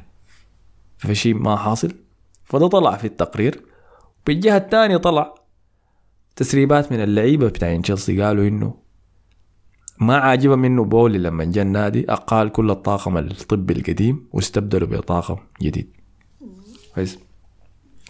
فشنو السبب بتاع الحياة دي شنو؟ فقالوا إنهم كانوا هم مرتاحين مع الطاقم القديم وكانوا بيعرفوا يتعاملوا مع حالاتهم الطبية الشخصية بصورة كويسة بحكم المدة اللي قضوها مع بعض. يلا دي واحدة من الحياة اللي ما عارفينها الناس اللي بت- بيتعمقوا في موضوع الإدارة الرياضية شديد. كويس؟ العلاقة ال- ال- السر مش في حاجة اسمها سرية الطبيب وال... والمريض؟ الحاجة دي برضه موجودة في الطاقم الطبي بتاع لعيبة الكورة. ففي إصابات ولا أدوية ولا حاجات بيعانوا منها لعيبة الكورة بيكونوا قاعدين ياخدوها. لكن هي سرية بس بين الطبيب بتاع اللاعب ده ورئيس الطاقم الطبي بتاع الدكاترة. المعلومة دي ما بتمرق من أي زول تاني. مم. ففي كمية كبيرة مثلا من لعيبة كرة القدم بياخدوا مضادات اكتئاب. أي. في لعيبة كبيرة من لعيبة ال- الكور بيعانوا مثلا في إصابات في ظهرهم في ظهرهم منطقة الظهر بيسبب لهم مشاكل عصبية بت... بتسبب لهم مشاكل جنسية مثلا فبيضطروا ياخذوا محسنات جنسية مع ازواجهم في لعيبة تانيين بيكون عندهم إصابات لم تشفى تماما لكن يتحاملوا عليها في فترة. فبرنامجهم التدريبي كله بيدور حوالين تجنب وضع ثقل على المنطقة دي. في ناس ممكن يكون عندها إصابات برضه ممكن تكون خطيرة ما بيقولها عشان ال- التجديد العقد والحياة دي يعني. فدي برضه مثلاً. فاهمني؟ فدي كلها حاجات انت بتأتمن بها بالطبيب اللي قاعد يتعامل معك في الطاقم الطبي. يلا لما يقوم يجي مالك جديد ويقيل الطاقم الطبي كله بدون أي تفاهم. كويس؟ نادي أي زول شيله معاك يا مان يتخارج ويجيب دكاترة جداد. تضمنهم كيف ذاته إنه حي- حي- حيحافظوا على الأسرار؟ ما يقول لي بولي ده يا مان. دي نقطة مثلا إنه أنا لسه ما بثق في الدكتور الجديد. ده وإنه تود بولي ده قاعد يعمل تغييرات جديدة. كيف أنا لو وريت الطبيب ده. والرئيس الطاقم الطبي الجديد يعرف الحاجة دي يقوم يقول لي معاه انه اللاعب ده عنده كده كده خارجه كده كده خارجه. انت ممكن تتكلم عن بعد ذاك أخلاقيات الموضوع المفروض يعرف وما المفروض يعرف كل الحياة دي. لكن كل اللي بقوله لك انه الحياة دي بتخلي اللعيبة ما مرتاحين في النادي. وده الكلام طلع من من جريدة التليجراف دي مثلا. فده رد على نقطة ال- الإصابات دي. بعد ذاك استمر ياسين وقال لعيبة زي ريس ولوفتس وماونت قيمتهم في الملعب حتقل. بسبب ما عندهم جودة فنية. ريس ده منو قصده؟ ريس جيمس. ريس جيمس. لا لا ما ممكن يكون قصده ريس جيمس حتجي جودته الفنية. ريس جيمس؟ أيوه لا أظن هو قصده لكن ريس جيمس ريس جيمس أصلا عنده مشكلة بتاعت اصابات يعني قبل قبل تود بويلي يجي أصلا من الموسم اللي فات ده عنده إصابة مشكلة. فلازم يقتنع إنه لازم يتعامل مع الإصابة بتاعته دي سواء كانت diet أو يشوف له حل فيها يعني. زي روبن عامل زمانك يعني قبل ما يمشي بايرن ميونخ. فدي حاجة هو لازم يحلها يعني ما مشكلة بتاعت هسه جديدة يعني. استمر قالوا كمشجع لتشيلسي أنا بشوف إنه بوتر حيفضح اللعيبة ويدخلهم العنقريب زي ما بتقولوا عشان يطلع اللعيبة الأسمى وقيمتهم تطلع أكتر وأكتر. قال لو رحيم كان موجود وما اتصاب كان سجلنا أهداف لأنه عامل توليفة ظابطة مع هافرتز. المشكلة إنه امبارح طلع كلام إنه تشيلسي مستعد يسمع لعروض لرحيم ستيرلينج. عايز عشان يبيعوه. يخرجوا برشلونة يا man يجيبوا فران توريس مكانه. لا لا لا حول. ليش يا جماعة؟ ما فيران توريس ولا رافينيا ده آه رافينيا أيوه صح. بتاخدها يا حسن لا لا لا ما ما أقدر لاعب إنجليزي في الفريق بتاعي. يا سلام عليك. خليني بالعاهات اللي معايا احسن ما تجيب لاعب إنجليزي. قال سياسة المدرب هو يولي في الشباب اللي عنده ديل لأحسن مستوى ممكن يقدموه عشان بعد ما يرجعوا المصابين ويسجلوا اللعيبة الجداد تبدأ التوليفة تظهر حبة حبة. ويتذكروا كلامي ده مين حسي حيجي زمن تخافوا من تشيلسي وتقولوا الفريق ده كريه كده وزي اللي عملوا أرتيتا في أرسنال حيعملوا بوتر في تشيلسي. يلا هو الموضوع ما حياخد وقت أيوه صح. لكن في فرق زي تشيلسي مثلا ممكن تدبول يغير الثقافة دي يعني؟ وده دي ممكن حيكون أكتر نجاح له لو قدر يعملها لكن موضوع إنه تصبر على الفريق يعني وتخلي ال...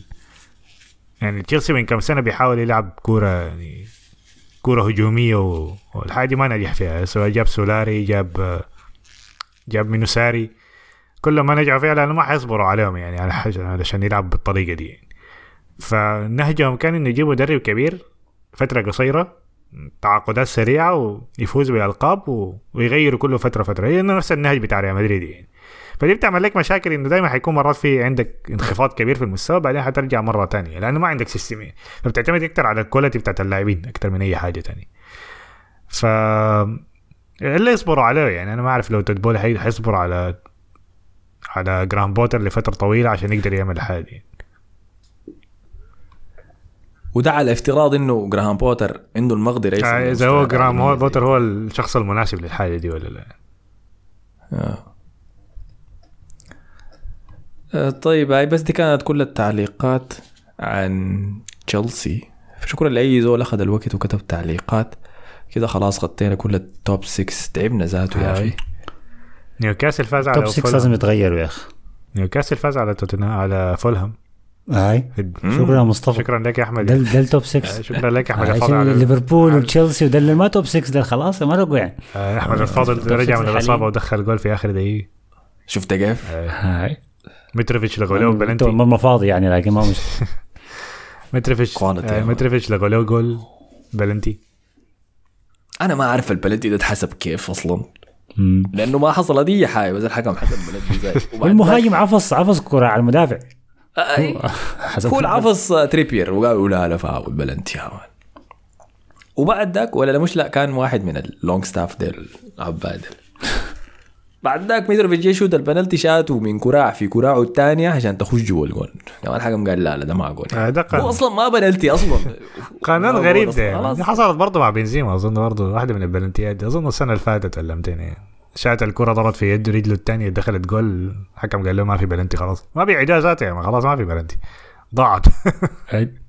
دي حاجة غريبة. هاي ليه ما عاد؟ أنا ما فهمت يعني. يعني لو لاعب الزحلق تقوم تكنسل البنالتي ما عارف والله. ده اللي أنا ما فاهم لأنه الحكم لأنه. الحارس لو صداه بيعيد البلنتي وكان برا الخط بيص- بيرد- بيعيدوها مرة ثانية ما عارف دي ليه ما بيعيدوها يعني. صح والله نقطة ممتازة. اي لكن نيوكاسل يستمر يعني بالفوز وشكله داير ينافس على ال top four لحد آخر دقيقة ممكنة. آه صابرين قال لي يا أحمد كرة النار كيف بالله. فعلا وورد براوس سجل آه، free kick؟ صحيح. المباراة كانت هنا كانت شوية ينفجر الملعب ده كمان. إيفرتون وساوثهامبتون أي. طبعا المسؤولين كلهم بتاع إيفرتون ما حضروا المباراة طلعوا تحذير قبل زلمة. قال لهم ما تحضروا المباراة لأنه في مشاكل أمنية في خوف من مشاكل أمنية يعني. بعد المباراة طبعا المهاجمين ده مشجعين إيفرتون طلعوا زعلانين دكعز الشكل مع ياريميني يا مان ياريميني طلع عليه من العربية يا مان قال له في شنو يا في شنو مالك زعلان مالك وما فاهم أي حاجة يا ريمين طبعا ده قاعد يسال. المدافع قاعد قال له أنت حس لو نزلنا الدرجة الثانية هتقعد في الفريق ولا لا؟ انت شنو الأسئلة الغريبة دي؟ يا ريمين هو ما عارف يقول له جيس جيس جيس. يس يس اي ستي يس الوضع كارثي في إيفرتون والله يا أخي. كله بسبب كومان بالمناسبة. ادوه 100 أها. مليون يا man وغرق الفريق بعد ذاك. خلي كومان في حاله يا أخي. إياد قال ليه ما بتتكلموا عن الفرق الضعيفة زي ليستر أو ريال مدريد؟ ها حلوة حلوة والله كلامه صح. ليه ما نتكلم عن؟ اللي هنا حابسين اللحظة دي يا man كويس سجن اللحظة. خليهم ينبسطوا يا محمد الطيب قال أنا كنت فاكر العنقريب ده للفورمه السيئه لأنه أي زول دخل العنقريب ده كله سبب حسن ده. بما إنه حكم حكمي دايم فما ممكن الناس تخش وتطلع بالسهولة دي. محتاجين عنقريب موازي للفورمه الكعبة. الفورمه الكعبة اسمها الفورمه الكعبة بس يا محمود. ده حسن بس داري يدخل اي زول يلقاه العنقريب لا؟ حسن عايز يدخل أي واحد في ليفربول أول حاجة بعدين أي واحد تاني. آه آه آه الحمد لله يعني. كشفت الخطة خلاص نص الموسم. عبد الباقي قال دايرين حلقة مع الحارث وشباب الدوري الإيطالي. والله يا أخي أنا حضرت مباراة نابولي ويوفنتوس دي كان شيء الردم الردم زي الردم اوسيمين وكفارا يا مان طبخوا دفاع اليوفي طبخ عديل كده. لكن ما ما, ما عندنا شيء الدوري الإيطالي يعني. بس أتمنى نابولي يفوزوا به حقيقة. آه قال أنا تاني اسمي شرطة أحمد الفاضل. لاني رسلت لك DM في موضوع الأبراج وسفهتني. الكلام ده كفر يا ود الناس. ما تكفر الناس وما تتكلم عن your hoes and exes لأنه دي مجاهرة بالمعصية. hoes and exes أنت قصدك مصطفى يعني. لا لا لا ما ترمي فيني.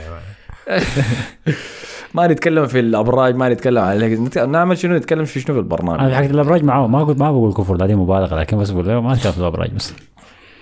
ما فضل دخل شنو الكره في؟ الأبراج يعني. فضل شنو نتكلم فيه كمان.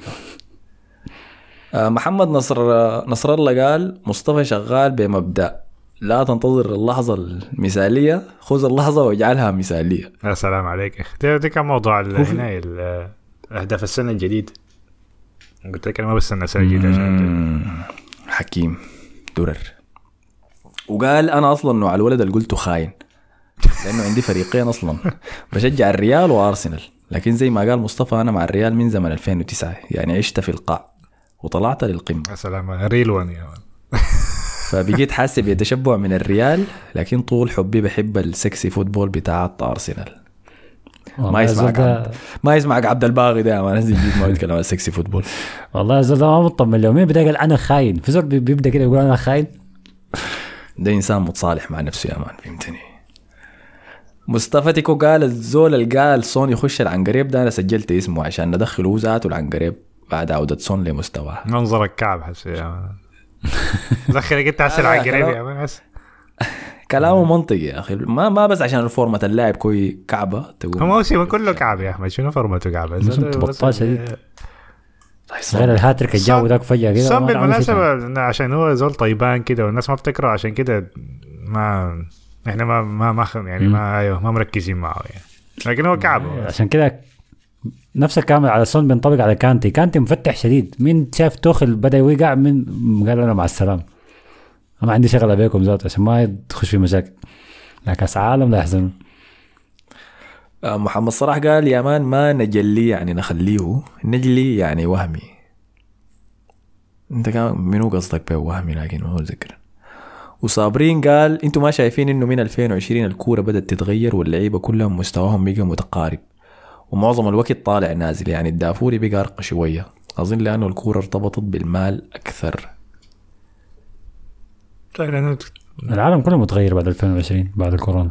شايف لأنه سيستمات أكثر يعني. يعني عشان ال system الفرق بتعتمد على السيستمات أكثر من هي هاي أنت سؤالك عميق يا man والله يا هاي بس كده أظن غطيت كل شيء. شكرا لأي زول أخذ وقت كتب تعليق. أحمد عثمان قال عايزين فقرة فيها نصائح لل fantasy. لا لا بن- بنضيع أنت ما شايفني إحنا قاعدين وين هاي؟ بنشارك بس ما بندي نصايح وشكرا لأي زول عجبته الدخلة وكتب تعليق عنها طيب خلينا نمر سريع على fantasy دافوري. بس double آه، نشوف. double game week الحاصل فيه شنو؟ هاي هو في مباراة تانية لسه؟ يونايتد وسيتي الاثنين. نخليها طيب يعني نعمل الأسبوع الجاي؟ أنا شايف نخليه ولا نعم. لسه double game لكن على كيفكم؟ حتتغير طبعا. أنا شايف حتتغير عشان كده خليها الحلقة الجاية خلاص. أنا جايب أربعة. لا لا كان جايب. فعلى النقطة دي آه، ما تنسوا تمشوا تعملوا like لصفحة الفيسبوك بتاعنا اعملوا لنا follow هناك كويس. وريتكم الفعاليات اللي بتحصل هناك. ما تنسوا تخطوا like واكتبوا تعليقاتكم كمان كالعادة عشان نغطيها في حلقة الأسبوع الجاي. شكرا لكم يا مصطفى وحسن. شكرا لك يا مصطفى. شكرا لكم. شكرا لك يا حسن. يلا نشوفكم. شكرا لكم أنتم على حسن استماعكم. نشوفكم حلقة الأسبوع الجاي. السلام عليكم. اسمع بودكاست دافوري على SoundCloud يا ناس.